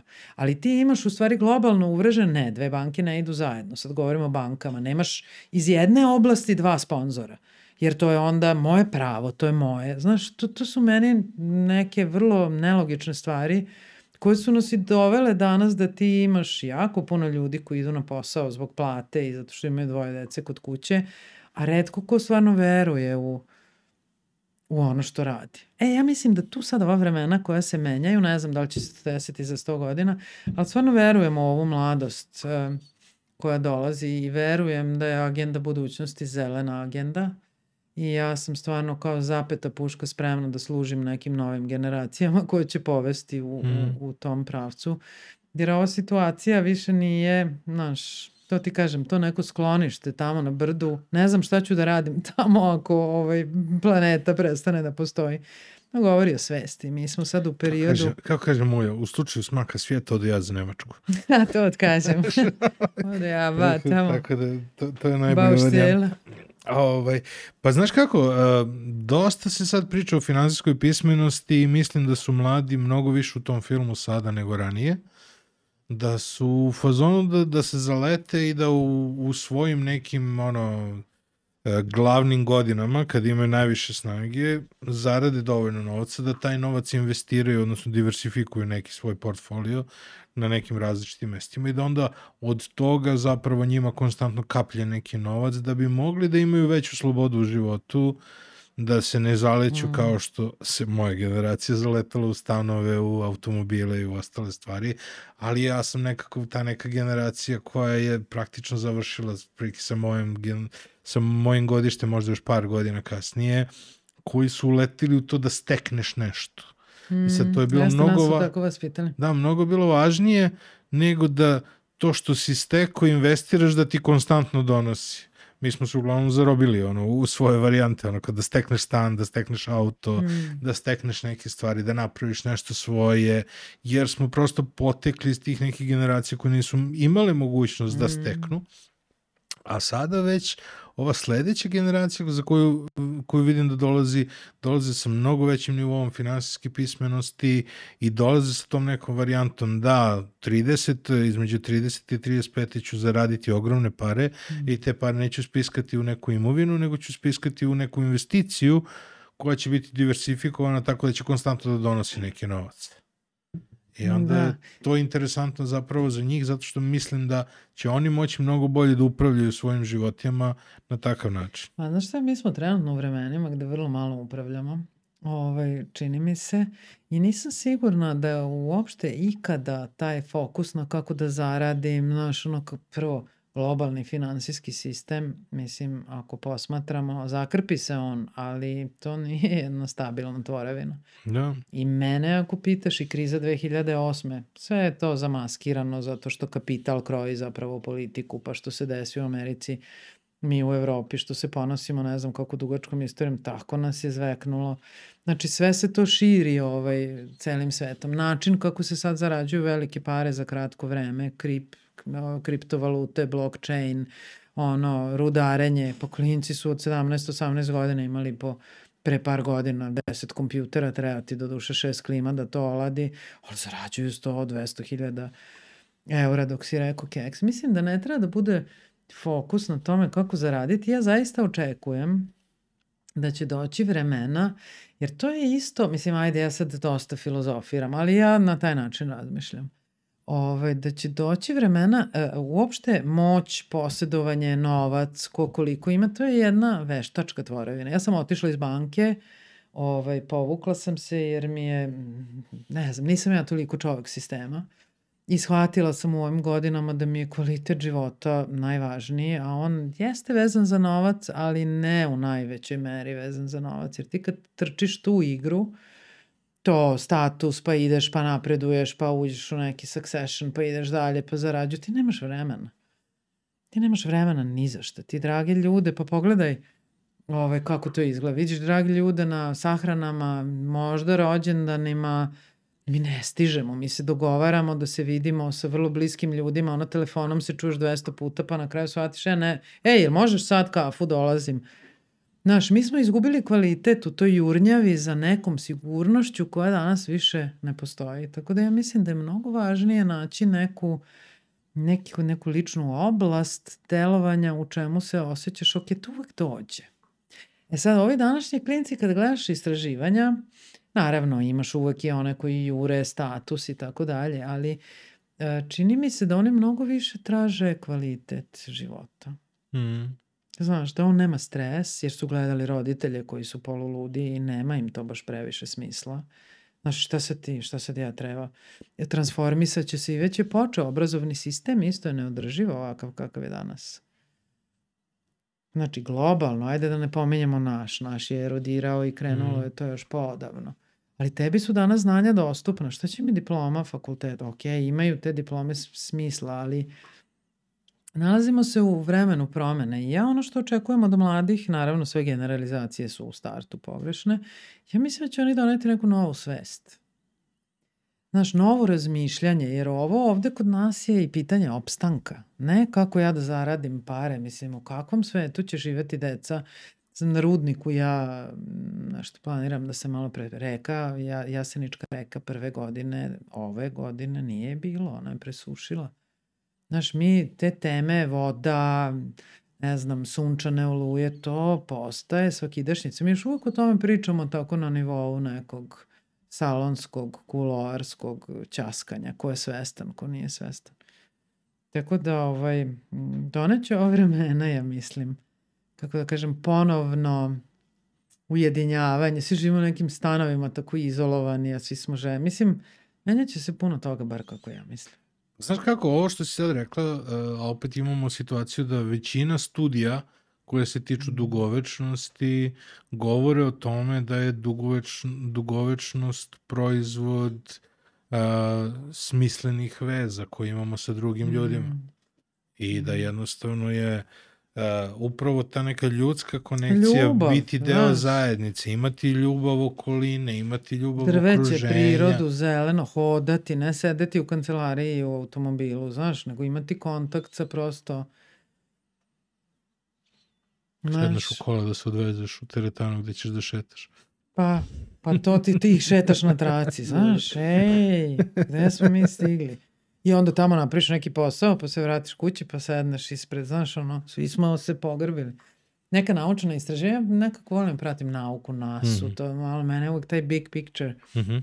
to me, ovaj, nek sam voljela i filozofiju, tako je volim malo da, ovaj, da, da, da mozgam. A zašto, šta sam sad, mm, od čega smo, kad govorimo o fokusu, vi nosi mi tu, da, mislim stvarno. Mora da, mora da zbog toga ja sam kriv. Prihvatam. Da, neko mora da bude kriv, Pa to je u našoj kulturi. Naravno. Ove, zašto sam pomenula? Šta je to nas uh, pokazalo? Ne, ne, ne, nego ne, krenuli smo od neke, ali dobro, nema veze, mojmo nekde. A, super se ste. kad Kako, kako je nastao super ste?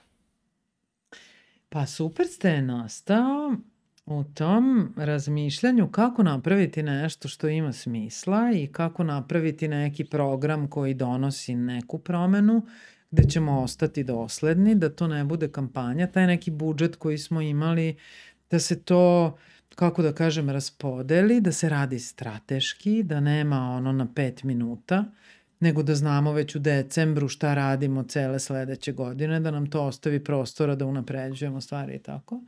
I sad u koju oblast se, se odlučiti? Kod nas je nažalost ta socijala i, i humanitarni seg, segment, izvinjam se, je nepresušno ovo tlo i potrebno i prosto smo svi bolećivi na taj deo. Ali kad ti, ti kreneš da razmišljaš o tome kako da to uspostaviš kriterijume u toj oblasti, kako da daješ, a da to bude pravedno, znači mi smo probali deo da odložimo za taj deo, pa deo možda za, za ovaj, kulturu, nauku, mlade, Ovaj, I onda shvatiš da ti ne možeš. Prvo, to je posao države, mi živimo u siromašnoj državi. Kako ćeš ti, nismo odvojili jedan fond, kako ćeš ti odlučiti kad ti stigne 10 molbi? Jedno dete ima cerebralnu pa- paralizu, ovaj drugi ima, ne znam, galopirajuću leukemiju, treći, i kako ćeš ti sad sesti i odlučiti Znaš, šta ćeš, ti, ja, mi ćemo biti ti koji ćemo reći, e, ovo dete, ako mu daš, on ima cerebralnu paralizu, pa će se možda izlečiti. Onda imaš ljude koji kažu, kako vi banka, vama je puno 500 eura, vi ne date. Znači, mi smo ušli u nešto, ko su ti ljudi koji bi, pa smo onda rekli, dobro, idemo sad na first come, first serve, kao ko prvi dođe, pa dajemo svima iste iznose. I šta se ti imaš od toga što ćeš dati 300 eura 20 ljudi, svima isto, to im opet ništa ne pomaže. Pa onda smo rekli, dobro, ajmo da se fokusiramo na naše zaposlene, njihove porodice, pa da u tom segmentu Znači, to je jedna, jedna oblast u kojoj ja nisam umela da se snađem, a da postavim sistem gde imamo osjećaj da radimo pravu stvar. I onda smo rekli, ok, i ne želimo, mislim, nije ni, niko ne želi nekim velikim problemima da se bavi, onda smo rekli, dobro, E, veliki spiritus movens, tu je bila Aleksandra Vesić iz BCIF-a tadašnjeg, mm -hmm. meni su oni uvek ostali BCIF, sad su Trag fondacija. Ovaj, nas dve smo se upoznale na nekom eventu i onda smo krenuli pričamo i tu sam ja u stvari sa sektorom, sa tim nevladinim mm. -hmm. sektorom, neki prvi onako ozbiljni kontakt napravila i ona je jedna fascinantna žena, zaista. Ona je isto mašinski inženjer. o, mislim ja nisam elektroinženjer, ali kao vukla sam na tu stranu, znači jednu logiku i, i, i, ovaj, i onda sam shvatila da ti svi sektori negde treba da sarađuju i da moja misija u tome, i tad sam se osjećala dobro što, što radim u banci, uvijek mi je bilo kao nekako, mislim, ja svi imamo tu percepciju, nekako, znači, banka to ne može da bude neka dobra institucija. I onda sam shvatila da ti u stvari možda budeš sa strane i da pljuješ, a možeš da uđeš u to što, što su delovi sadašnjeg mm -hmm. sistema i da radiš neke stvari za koje ti smatraš da si ispravan i da ih radiš motivisano, naravno u tom okruženju u kom jesi. Uh, I onda sam shvatila da moja agenda jeste u tom boravku tamo prvo uspostavljanje unutrašnjeg jednog zdravog sistema gde se vrednuje, ne znam, mislim sad to su opet idealistički neki ovaj, dometi. I drugo, ovaj, da ta sva tri sektora na neki način sarađuju. Da manemo politiku i da gledamo šta je tu važno. Odlučili smo se za kulturu i, i nauku kao oblast koja nekako je ono lepo je. Ovaj, I nažalost najzapostavljenije u našem društvu, jer nama je kultura uvek nešto gde se trguje na kraju kome ćemo dati kulturu. Mm. I ovaj, smatra se kultura dolazi na kraju, ja mislim da bez kulture nema u stvari zdravog društva, jer odavde kreće neko, jel? formiranje i onda smo smatrali da je to strateški vrlo, mm. vrlo važno i oblast u kojoj nema, nažalost, para. I zašto mladi? Jer opet i tad je bila neka promena nekih. Da ti njima daš veru i bilo je, sećaš se ti kad sam ja jesi imao mm. neku vezu, nisi bez veze se ništa ne rešava, posao se nije baš, sad se ipak poslovi nalaze preko CV-a, imaš neko tržište, sad je, tad je sve bilo ko te zvao, ko te preporučio. Da se vrati vera, u stvari motivacija je bila da se vrati vera da ti ako si vredan, možeš nešto da osmi, da nemaš formalnu organizaciju, mi smo tada lučili, to je isto tada, to nije toliko bilo prisutno, opet zahvaljujući Aleksandri i ljudima koji su mene u banci podržali da radimo takve ludosti. Mi smo podržavali neformalne organizacije, pravili smo neke i isključili smo Beograd, Novi Sad i Niš iz tog programa. A, misleći da sve što se dešava i sve što svi rade, rade u tim velikim mm. gradovima, a da su ovi mali gradovi mrtvi jer niko tu ne ulaže, to nije vidljivo i tako dalje. I onda smo se odlučili za tu strategiju, ajmo mi da idemo na gradove gde ništa nema i da verujemo da će ljudi znati da prepoznaju da stvarno želimo nešto, nešto dobro da uradimo. I onda je nastao Superste. Inače, ja sam smislila to ime, pa uvek sam tela da budem kreativac. Ko je smislio ono veruju u sebe posle Superste? A to, veruj, sebe to je već posle mog vremena, Aha. ali ovaj, to je, to je globalna. Ali jako mi se dopalo nekako kao logičan sledeći korak. Jest, jeste. Pa i u Beču je sedela jedna. Mislim, ta Erste banka ima nešto što je drugačije, onako. Da, malo pre kad si rekla mm. ono kao za banku, kao nje, nje, ja sam u stvari imao taj osjećaj sve, sve do trenutka dok nismo počeli da, da radimo Superste i ostale neke stvari. Tako. Pa da. Mislim, ja sam se ovo potpuno iskreno pričao, ne znam ni koliko je pametno takve stvari prije, nikad nisam bila naročito pametna. Pa dobro, nismo rekli ni, mm. ništa što... Da. Ništa što nije. Sad reci mi jednu stvar, malo si pominjala Mišu Lukića, ja njega još uvijek nisam upoznao, ovaj, ne znam ga lično. A, on je držao jedno predavanje koje sam gledao ovaj, skoro, a, hvala YouTube-u, te on rekao da svaka osoba u firmi bi trebalo da se bavi CSR.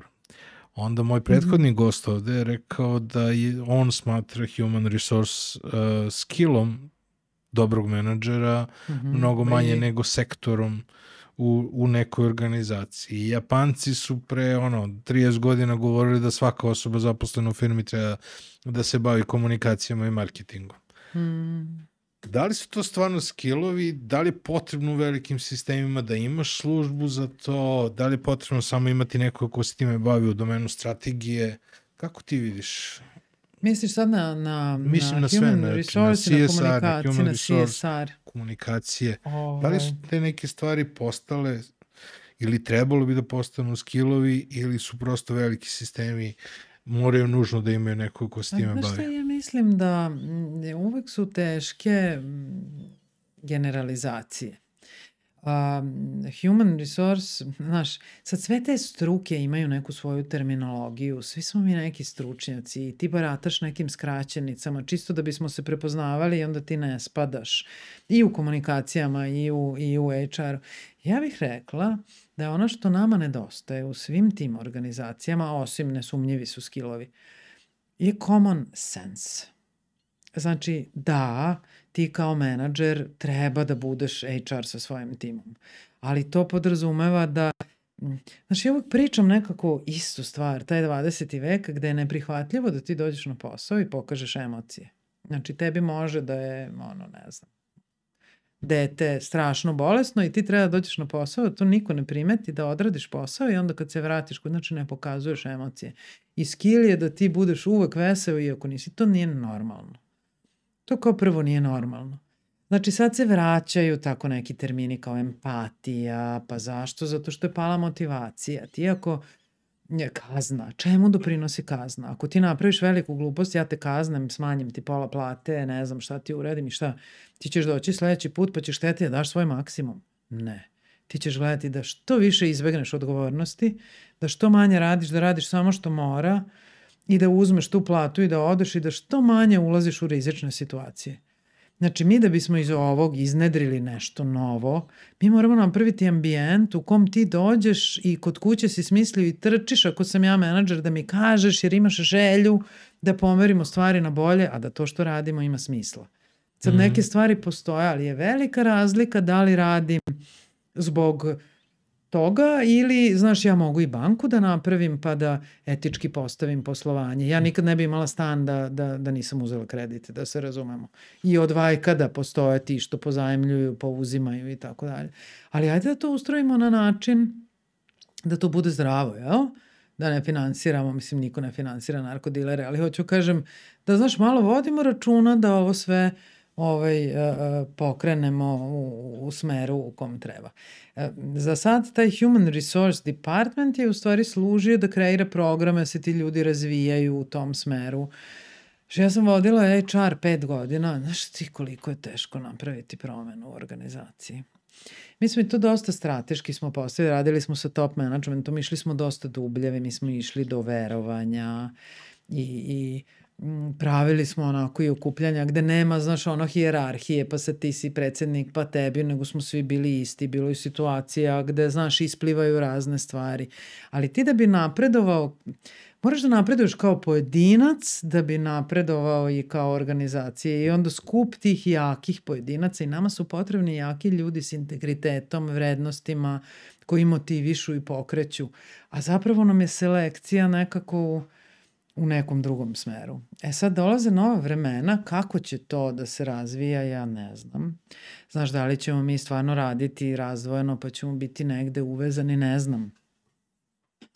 Ne znam. Postoje skillovi, sad smo onako u jednoj centrifugi. Miša Lukić je jedan, mislim, bilo bi super da ga upoznaš, on je stvarno jedan autentičan i poseban je. Ovaj, i, i, Ovo mi je jako važno što je rekao, znaš, ovaj, to je bilo neko njegovo predavanje iz juna meseca mm. ili možda i ranije sa, sa Valjda Vivaldija. I onda baš o tome pričaju. Meni je CSR generalno mnogo drag i mislim da nema dovoljno Pazi, filantropije, a znam da, da je mm. tebi to važan uvijek bio segment rada i zato sam želeo s tobom da pričam mnogo, mnogo o tome. Pa zašto mi kao, recimo, kao Erste banka nismo imali tako velike budžete. A, ali smo ipak imali iz ovog ugla kad gledaš znaš, što jesu neki budžeti. Ti kad pogledaš da smo mi ulagali u kulturu sa mm -hmm. tih nekoliko programa, isto koliko država na godišnjem nivou uloži u kulturu, o Bože. onda shvatiš da privatni sektor nosi veliku odgovornost sa tim budžetima koji se rasipaju na sve moguće strane i da ti kad bi te sve pare ovaj, mislim, sve pare, ali kada bi razmišljao o tim budžetima da stvarno u društvu radimo korisne stvari, znaš ti šta bi sve moglo da se uradi.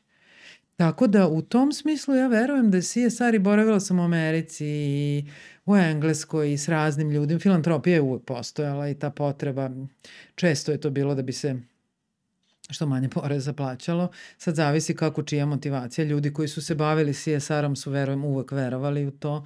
Verujem da je nekima to došlo kao prirodna potreba, Ali ovaj, u vremenu gde kapital upravlja društvom, taj isti kapital nosi odgovornost da pored onoga gde zarađuje nekako i vraća to na neke pametne načine. E sad problem je što obično vlasnici kapitala nemaju ni potrebne informacije i znanja gde to da se plasira. Mm. I zato je važna u stvari saradnja sva tri sektora. A na kraju krajeva gde završiš na ljudima. Znači, da li ti i ja razmišljamo isto, ajde da napravimo nešto dobro, hajde da zovemo Marka i Znaš, u stvari su nekako čiste su te motivacije, verujem, kod mnogih ljudi koji su koji su pokrenuli CSR. E sad, onda je taj CSR dobio pežorativnu neku, jel, Pa dimenziju. zavisi. Mislim, Zato što samo- se zloupotrebljava u nekim Jeste, slučajima. i Onda imaš kroz- medije koji plasiraju ono što da beru, da plasiraju, pa onda više nije bio CSR nego community relations, pa community programi.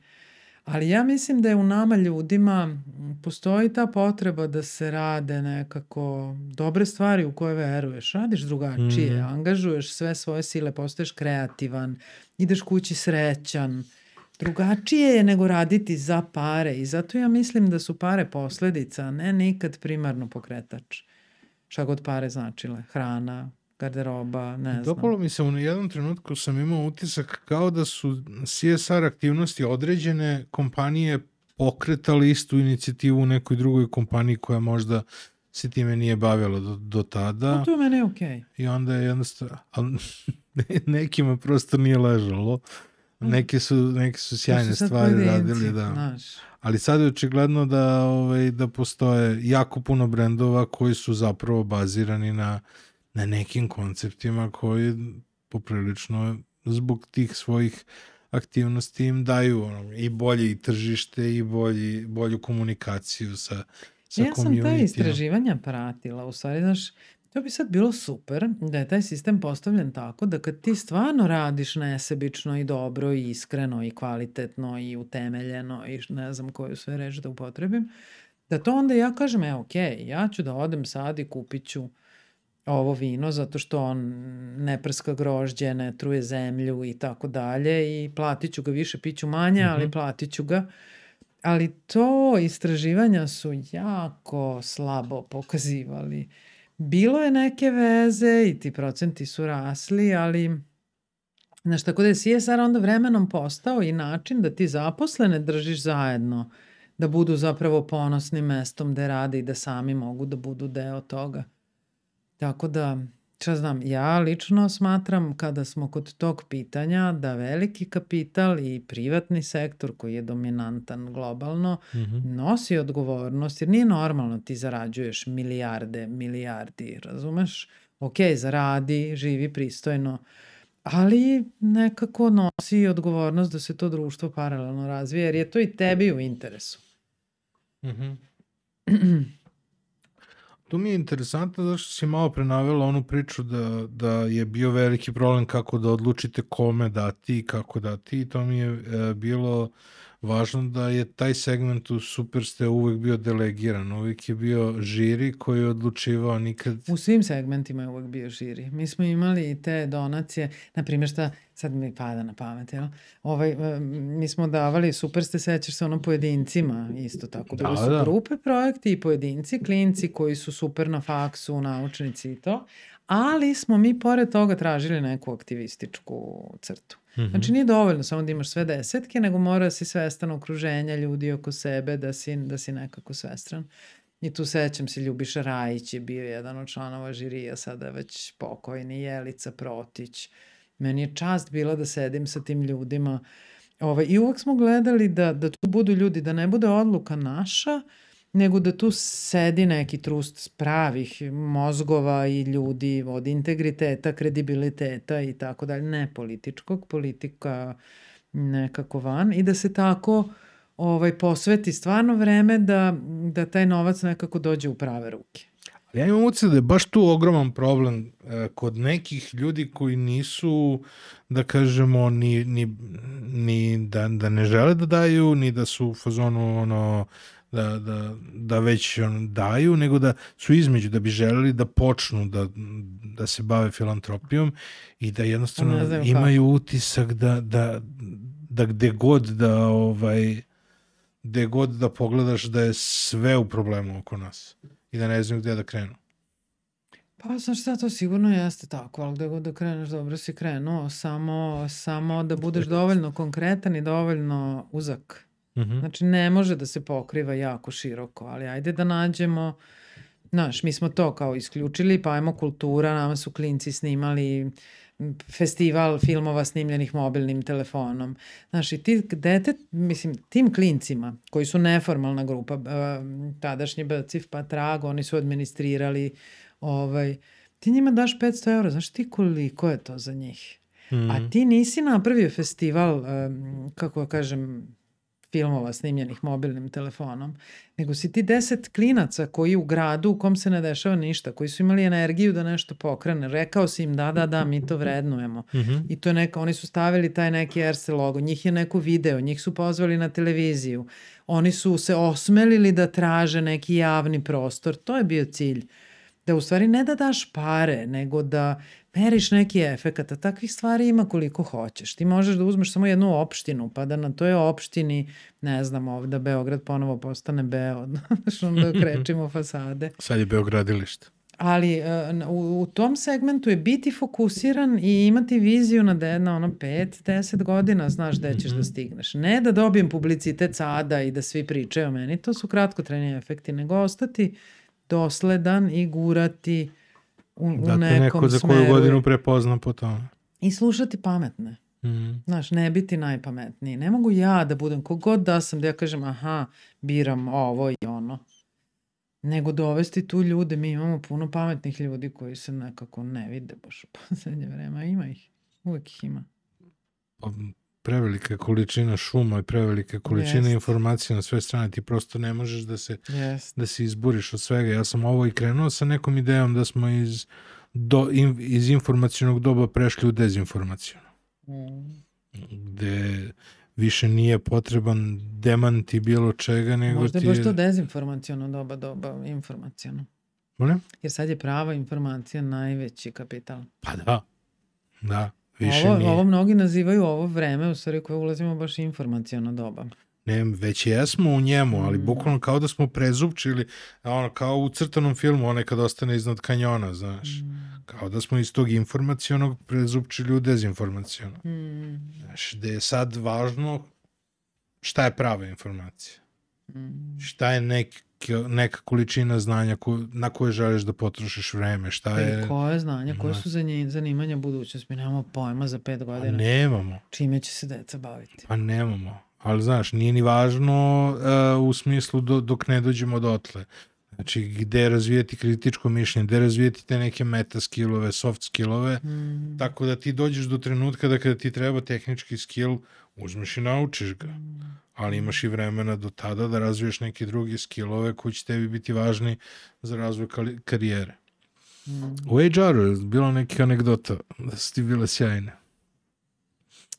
Pa o, HR je jedno, to je, da, ovaj, mislim, uopšte nije lako biti HR, znaš, i voditi taj sektor, jer nekako niko ni ne voli HR, to kažu hire and fire, znaš, ovi zapošljavaju Mhm. i otpuštaju, svi problemi dođu kod tebe.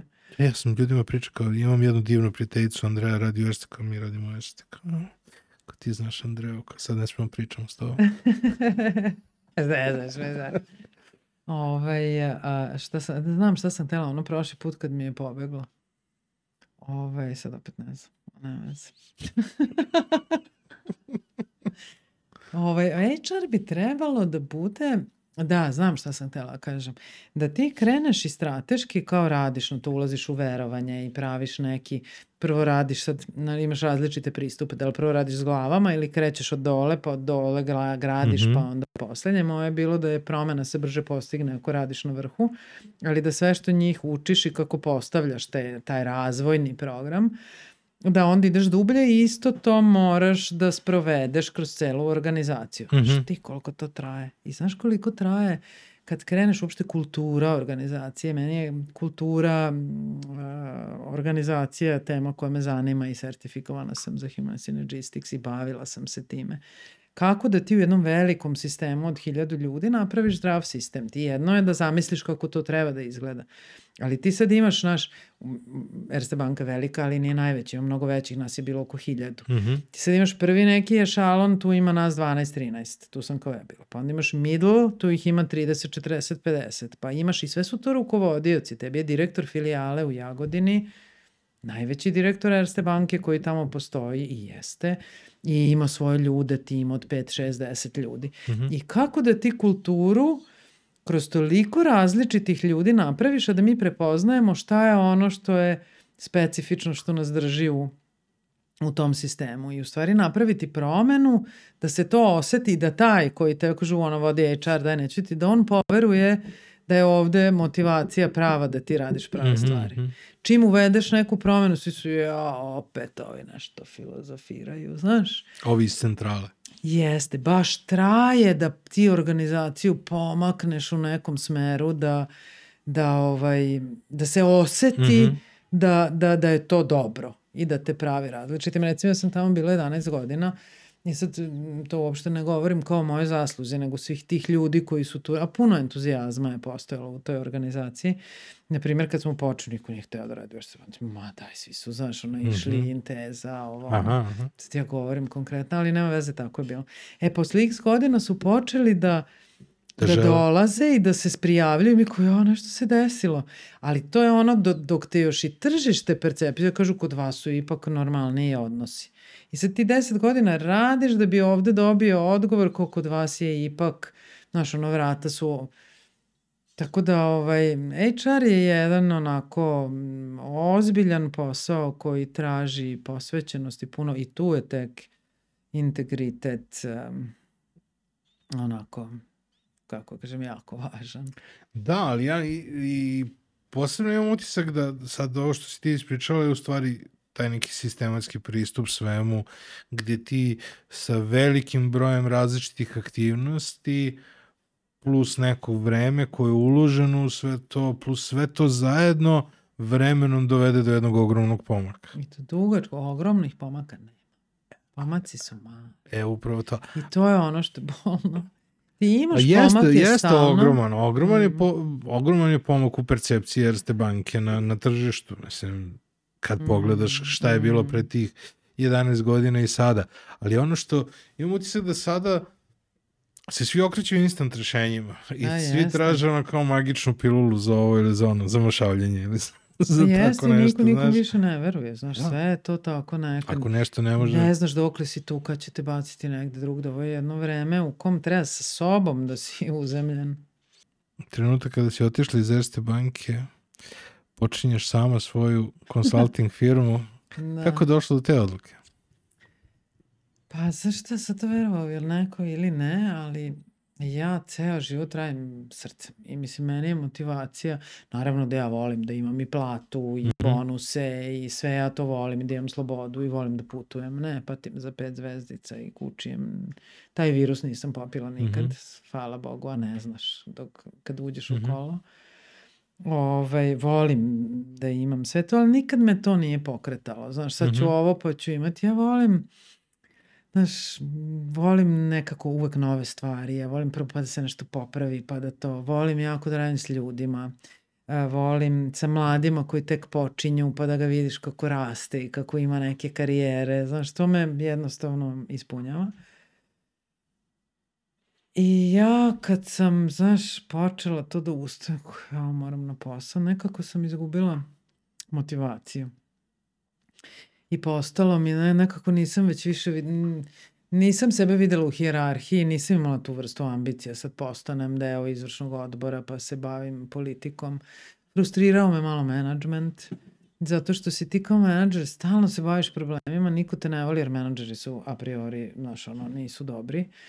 E, ti imaš neku strategiju i imaš što sam volela, znaš, onako, ja volim tu viziju pa da postaviš negde, pa da ih motivišeš, pa da Mhm. znaš da smo dobar tim, da se, ovaj, ali ti si u svemu površno i u svemu Mhm. si pomalo. Ja sam na kraju vodila i HR i komunikacije i sve ti tu daješ neki pravce, ali nigde ti nemaš znaš, onu satisfakciju da si nešto kao uradio do kraja. Dobro, to je taj veliki sistem da ti sa jednom Jeste. promenom ne možeš da je vidiš kako izgleda Jeste, u a i praksi. neko radi, neki ekspert radi na tome, Da, znaš, da. ti si kao neka inicijalna, pa ih okupljaš, pa ti to sve malo bude previše, pa onda shvatiš i da ljudi baš nisu ni spremni jako da se menjaju. Mhm. I mi u tim korporacijama nekako mislimo smo bogom dani, da smo mi to sve zaslužili i ako smo odabrani. I ne znam, sve mi to onako postalo tu mač, verovatno i godine, znaš, kako se bliži pet banki, malo drugačije nekako razmišljaš. I onda sam ja odlučila da odem. Mi smo se jako prijateljski ovaj, razišli i nikad neću promeniti. Mislim, ja sam u Erste banci s računom, to je ovaj, sigurno.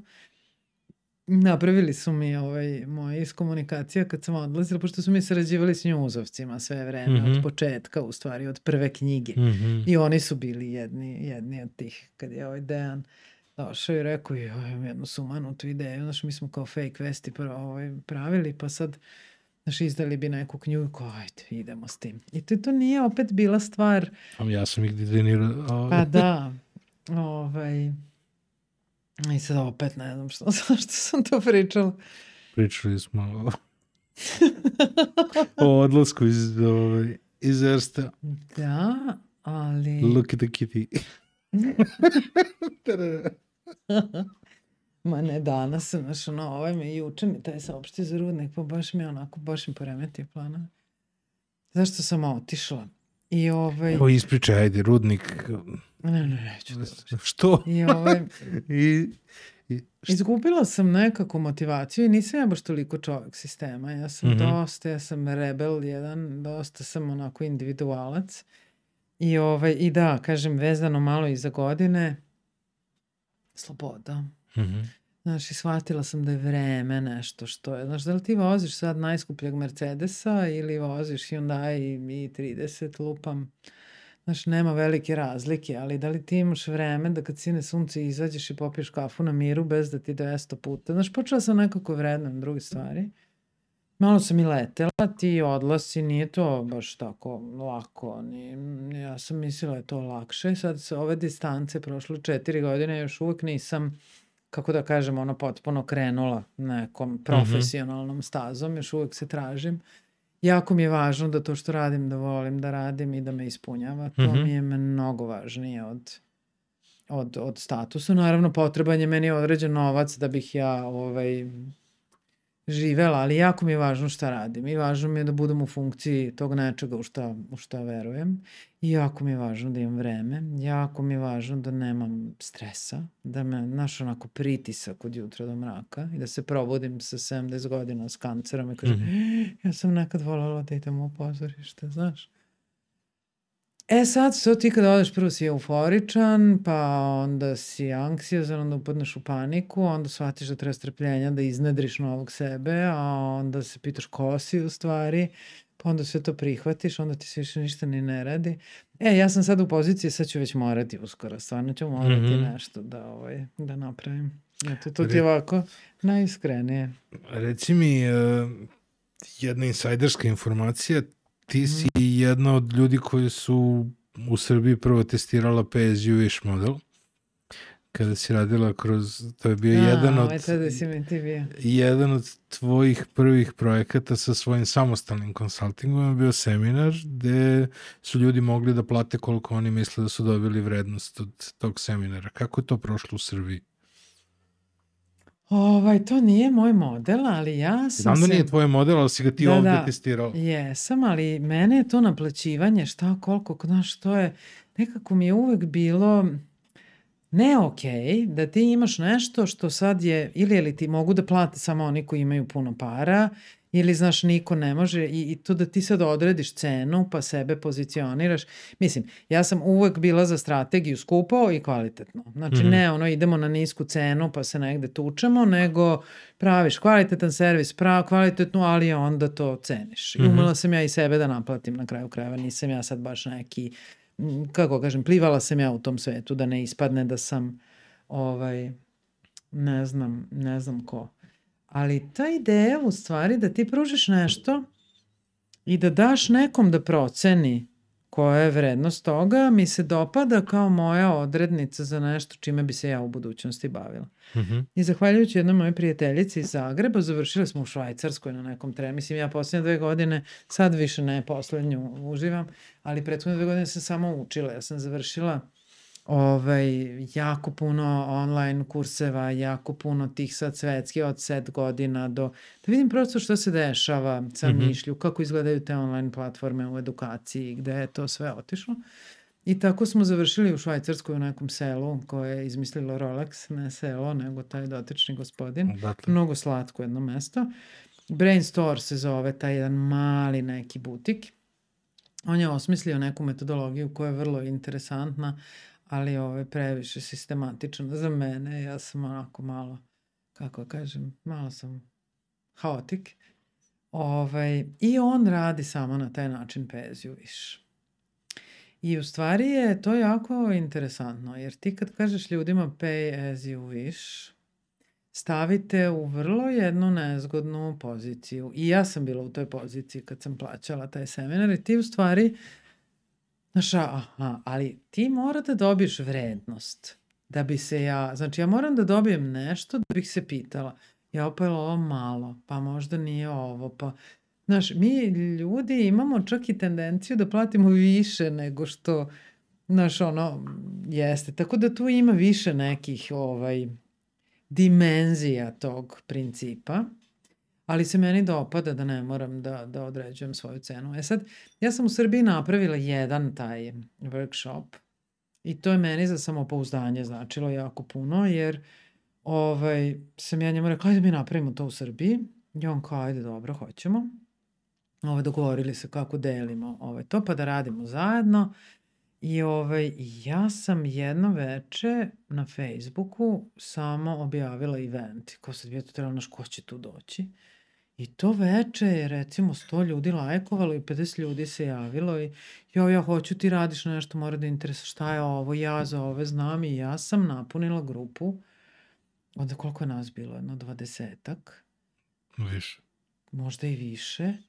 I ja kažem, ovo vidi, meni je značilo to u tom momentu da ipak, kao, jer ti kada odeš, znaš, ti možeš da imaš, ali ti u jednom momentu ti se čini da ti više ništa ne znaš, da nikad ništa nisi radio, ne znaš ni odakle ćeš da kreneš. I značila mi je ta potvrda i tu je bilo raznih ljudi. Bilo je ljudi vlasnika agencija, bilo je ljudi mm, one man show, bilo je bilo baš različitih profila. Ne, bila je super ekipa, ali prosto me interesuje ka, samo A kako ti me taj pitaš koncept... za finansijski deo, o Da, tome ti govorim. Da, zato što ja znam iz ugla neko ko je plaćao to kao, aha, ona je uzela, zakupila vilu, ona je uzela, dovela catering, ok, dovela predavača, ima neki troškovi za to. Bili smo. Znači, kao, ti praktično umesto da, da ti znaš koliko nešto košta i da se pitaš ja, da li je to sad skupo ili ovo, ono, ti ulaziš sad stvarno u razmišljanje koliko tebi vredi, koliko su realni troškovi, koliko to vredi da ti to platiš. Jako interesantno iz ugla nekog ko to treba Bila da sam plaća. u plusu. Pa me jako Nisam interesuje. zaradila, ne znam koliko. Bilo mi je interesantno su ti ljudi skupili, da sve to bilo slatko, ali bili smo u plusu. Mhm, mhm, A različito ljudi razmišljaju. mhm. I to je isto interesantno u stvari. Pa to, to me Znaš, interesuje. da ono, pogledaš svakog Kako izgleda ovaj, to. pojedinačno. Mhm. Uglavnom ljudi koji su to, kako da kažem, um, sve nekako ok. Ovi ljudi koji su imali ozbiljne poslove, velike plate, oni su gledali da budu onako galantni. Donator. Ovi, mm, pa da budu, znaš, galantni, da nekako prate neku tržišnu vrednost. Ovi koji Mhm. nisu imali su onako dali koliko im je bilo ok. I meni je to, meni je to pay as you wish, eh, taj koncept mene, mene kupuje. Plati koliko možeš. Plati koliko Plati želiš. koliko možeš i koliko vrednuješ. Mhm. Znaš, i da je moj fokus onda, onda moj fokus nije da zaradim tu. Znači, to je u drugom. Moj fokus je da pružim najbolje što mogu, da bi ti kad dođeš rekao, wow, ovo mi je promenilo život, nemam para, ali daću. Razumeš? Nije Mhm. važno koliko. Da pružiš kvalitet sa onim što, što pružaš. Ja sad, to je meni tako bio jedan eksperiment, nisam ostala pri tom pri, ovaj, pri, pri tom konceptu, to je bio isto neki moj proces, proces učenja. U kom smislu? Pa mislim, nisam nastavila s tim radionicama i ne primenjujem tu metodologiju Aha, aha. ovaj, dalje u, u radu. Pa dobro, bilo je zabavno. Mislim, zabavno je kao koncept da ti budeš prosto prozor da neki ljudi koji žele neke nove stvari da nauče da, da mogu to kroz tebe. I reci mi kakvi su planovi sa rudnikom, sa odlaskom u prirodu? A, rekli si da tamo želiš da napraviš neki edukativni centar, Ja consulting centar. Znaš te, ja sam zapravo ovaj, prodala stan, kupila sam manje u gradu, Mhm. kao ono baza. Znači, moj cilj je u stvari simple life. Nekako jednostavnije, smanjim troškove što više mogu. Ovaj, mislim, volim da putujem i volim grad, ne bih se baš skroz ovaj, ocelila, ali sam kupila neku zemlju na rudniku i tu nešto ovaj, planiram da pojem što veliko, sve onako taman. Što ta imovina, što više ima, što više problema nekako. Mm. Ovaj, I sad sam u, u, znači, danas baš sam ti rekla ti da mi podigneš ovaj energiju. Ništa nisam uradila, ni kod frizera nisam bila, nisam se našminkala dve godine. ovaj, zato što se patim s izvođačima i upravo sam shvatila da ove godine to što je dogovoreno neće napraviti i baš sam bila tužna. Ne toliko zbog para, nego zbog ideje da ja tamo mogu da idem. Mislila sam zimi već da idem. Znači više sebe vidim Dobro, imat ćeš proleće sledeće godine. Ja, ali znaš šta materijal poskupljuje na nedeljnom nivou, vrlo je zeznuto i napeto vreme. Ovaj, vuče me priroda, boravak napolju, hodanje, šetanje, Mhm. zdrava hrana. Znaš, ono, ne, ne bi ja se prela neke velike bašte, ali da imam moj paradajz, moj krastavac, moju voćkicu, volim da prčkam, sadim cveće. Ovaj, I tražim neki svoj put. Sad je već vreme da moram počnem da radim, jer četiri, znaš, ja sam, radila sam ja što šta različite jako stvari. Nešto sam radila u nevladinom sektoru, nešto sam radila individualnog razvoja, radila sam strateško planiranje, a, radila sam za UNDP, climate change i gender. I, mislim, dolazile su razne neke Mhm. stvari, same od sebe. Ali, ovaj, još uvijek website nisam napravila posle četiri godine. Više mi se previše ne radi. Znaš, onako mogla bi. Mislim, uvijek ću ja nešto raditi, ali da ne moram da radim kao da zarađujem. Da ću morati. Ovaj, ja bi rado radila sa ljudima, volela bih da radim sa ljudima, rado bih radila sa ljudima koji su onako na prekretnici. Znaš, negde sam stigao i sad bih nešto promenio. Ovaj, sad coaching je opet neko novo zanimanje koje opet isto dobija, jel, nešto vam kaže, a svi su neki coachevi. Ali ovaj, volela bih da radim sa ljudima i sa malim timovima. Znaš, ono mali timovi koji su negde zapeli pa da ti tu Mhm. vratiš. Tako to nekako vidim i rado bi provela na rudniku, imam gore tamo neki ovaj, i smešta i hranu, pa da su oni tamo, a kod mene možemo imati neki radni prostor. Napravila bi terapeutski vrt, to mi je san, jedva čekam hortikulturu. Mhm. Znaš, ono da mirisi, pa sve kad cveta, pa da jedno drugo prati, pa mirisi, pa zeleno, pa boje, pa koji je oblik lišća. I da kod mene u stvari onako bude jedno mesto, znaš, onako oporavka. A onda nisam ni sigurna, to privatno bi trebalo bude razvojeno od poslovnog, pa sam mislila da možda i sa fondovima nekim napravimo neki, neko mesto koje je onako, kako da kažem, neko mesto okupljanja, da tu i ljudi sa strane dolaze, pa da tu bude neka nova misao, pa da napravimo opet neko mesto koje je dostupno svima koji su ušli u te neke situacije da ne znaju više gde će u životu. Biće toga sve više. Mhm. Jer ovaj jer mislim mnogo su ovo žestoke promene. Biće tu puno ovaj i neprijatnih neprijatnih situacija koje su vezane za to. Tako da ja bi tu rado neku onako, ali još uvijek mi nije jasno skroz kako to izgleda. Sad kako bi trebalo početi da radim, sad opet ja da se vratim u korporativni svet, znaš, pa malo još. Prosto ne znam gde ću završiti. Ali trenutno se osjećam se... Dobro, bili su neki super ono, konsultanti u prošlosti koji su bili u varijanti žive na rančevima i onda ovaj, veliki biznismeni, veliki CEO-ovi u principu jednom godišnje idu kod njih na, Hmm. na da kažemo, terapiju, nije na terapiju, nego na, na sesiju sa njima i provedu vikend Da. sa njima i onda se, se vrati, tako da... E, ja nekako bih rado videla sebe kao neko ko pomaže tim ljudima koji sad upadaju u te teške tranzicije da iz toga izađu svoji. Mhm, mhm. Tu nekako mislim da imam neki, kao i na sebi sam radila, mislim, na neki način ceo život, a čini mi se da će tu biti velika, velika potreba. Ali ovaj, kao što sam ti ono na početku rekla, znaš, da li mi nešto tražimo ili to traže nas, u stvari velike te odluke u životu ti nešto dođe i ti u tom momentu kažeš, aha, Pa da, to je zato sam- put i onda kreneš. Zato sam želeo da te pitam ovaj, kako je to na tebe uticalo i kako ti utičeš na druge, zato što uh, jako, ono čime se ti sada baviš, sve više i više viđam kod mladih Mm. uspešnih ljudi, da prosto pronalaze mentorstvo u nekome koji je dovoljno iskusan i koji je imao svoju priču u korporativnim.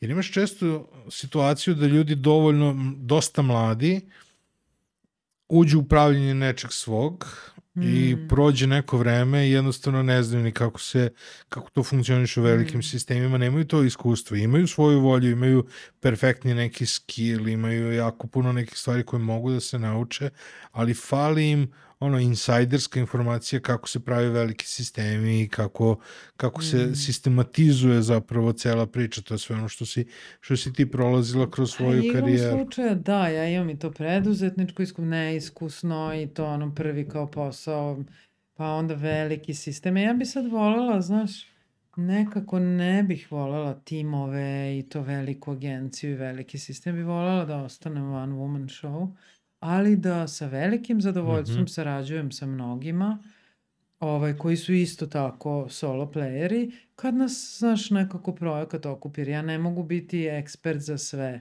ali onda pozoveš pa se okupiš u tim pa radimo na jednoj stvari, pa na Mhm. drugoj stvari, ali da imam slobodu da mogu da radim na različ. Recimo, mene jako motiviše i mene ova seča drveća i ovo što se dešava, mene to stvarno onako boli me. Baš me boli duboko Mhm. vidim sebe i da bih mogla s nekima da se okupim i da se sad ako odem, znaš, da radimo na tom očuvanju nekog prirodnog fonda, da se to seče kontrolisano ili šta znam.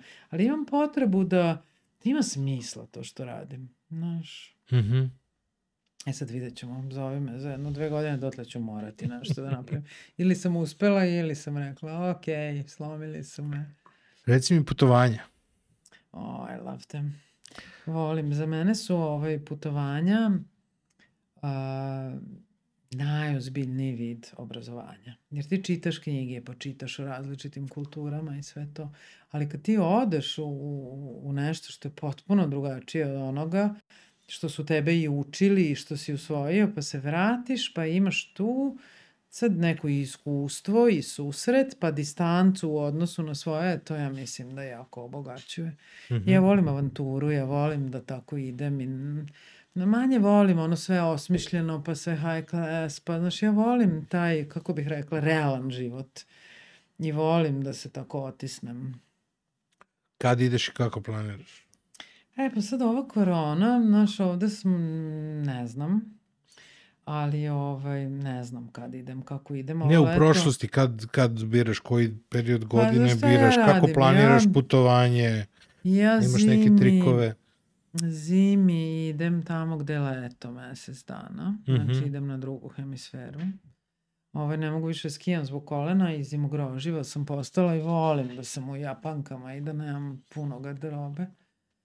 Ovaj, tako da ja sam išla to Indija, Bali, Peru, Znaš, neka, neka mesta gde je toplo kad je ovde hladno. Pa onda Mhm. ja premostim taj decembar, januar, a nekako su me i više sile Uštediš na grejanju. podržavale. Tako da ono kad je bilo minus 15, 16, ja sam uvijek imala sreće da sam negde.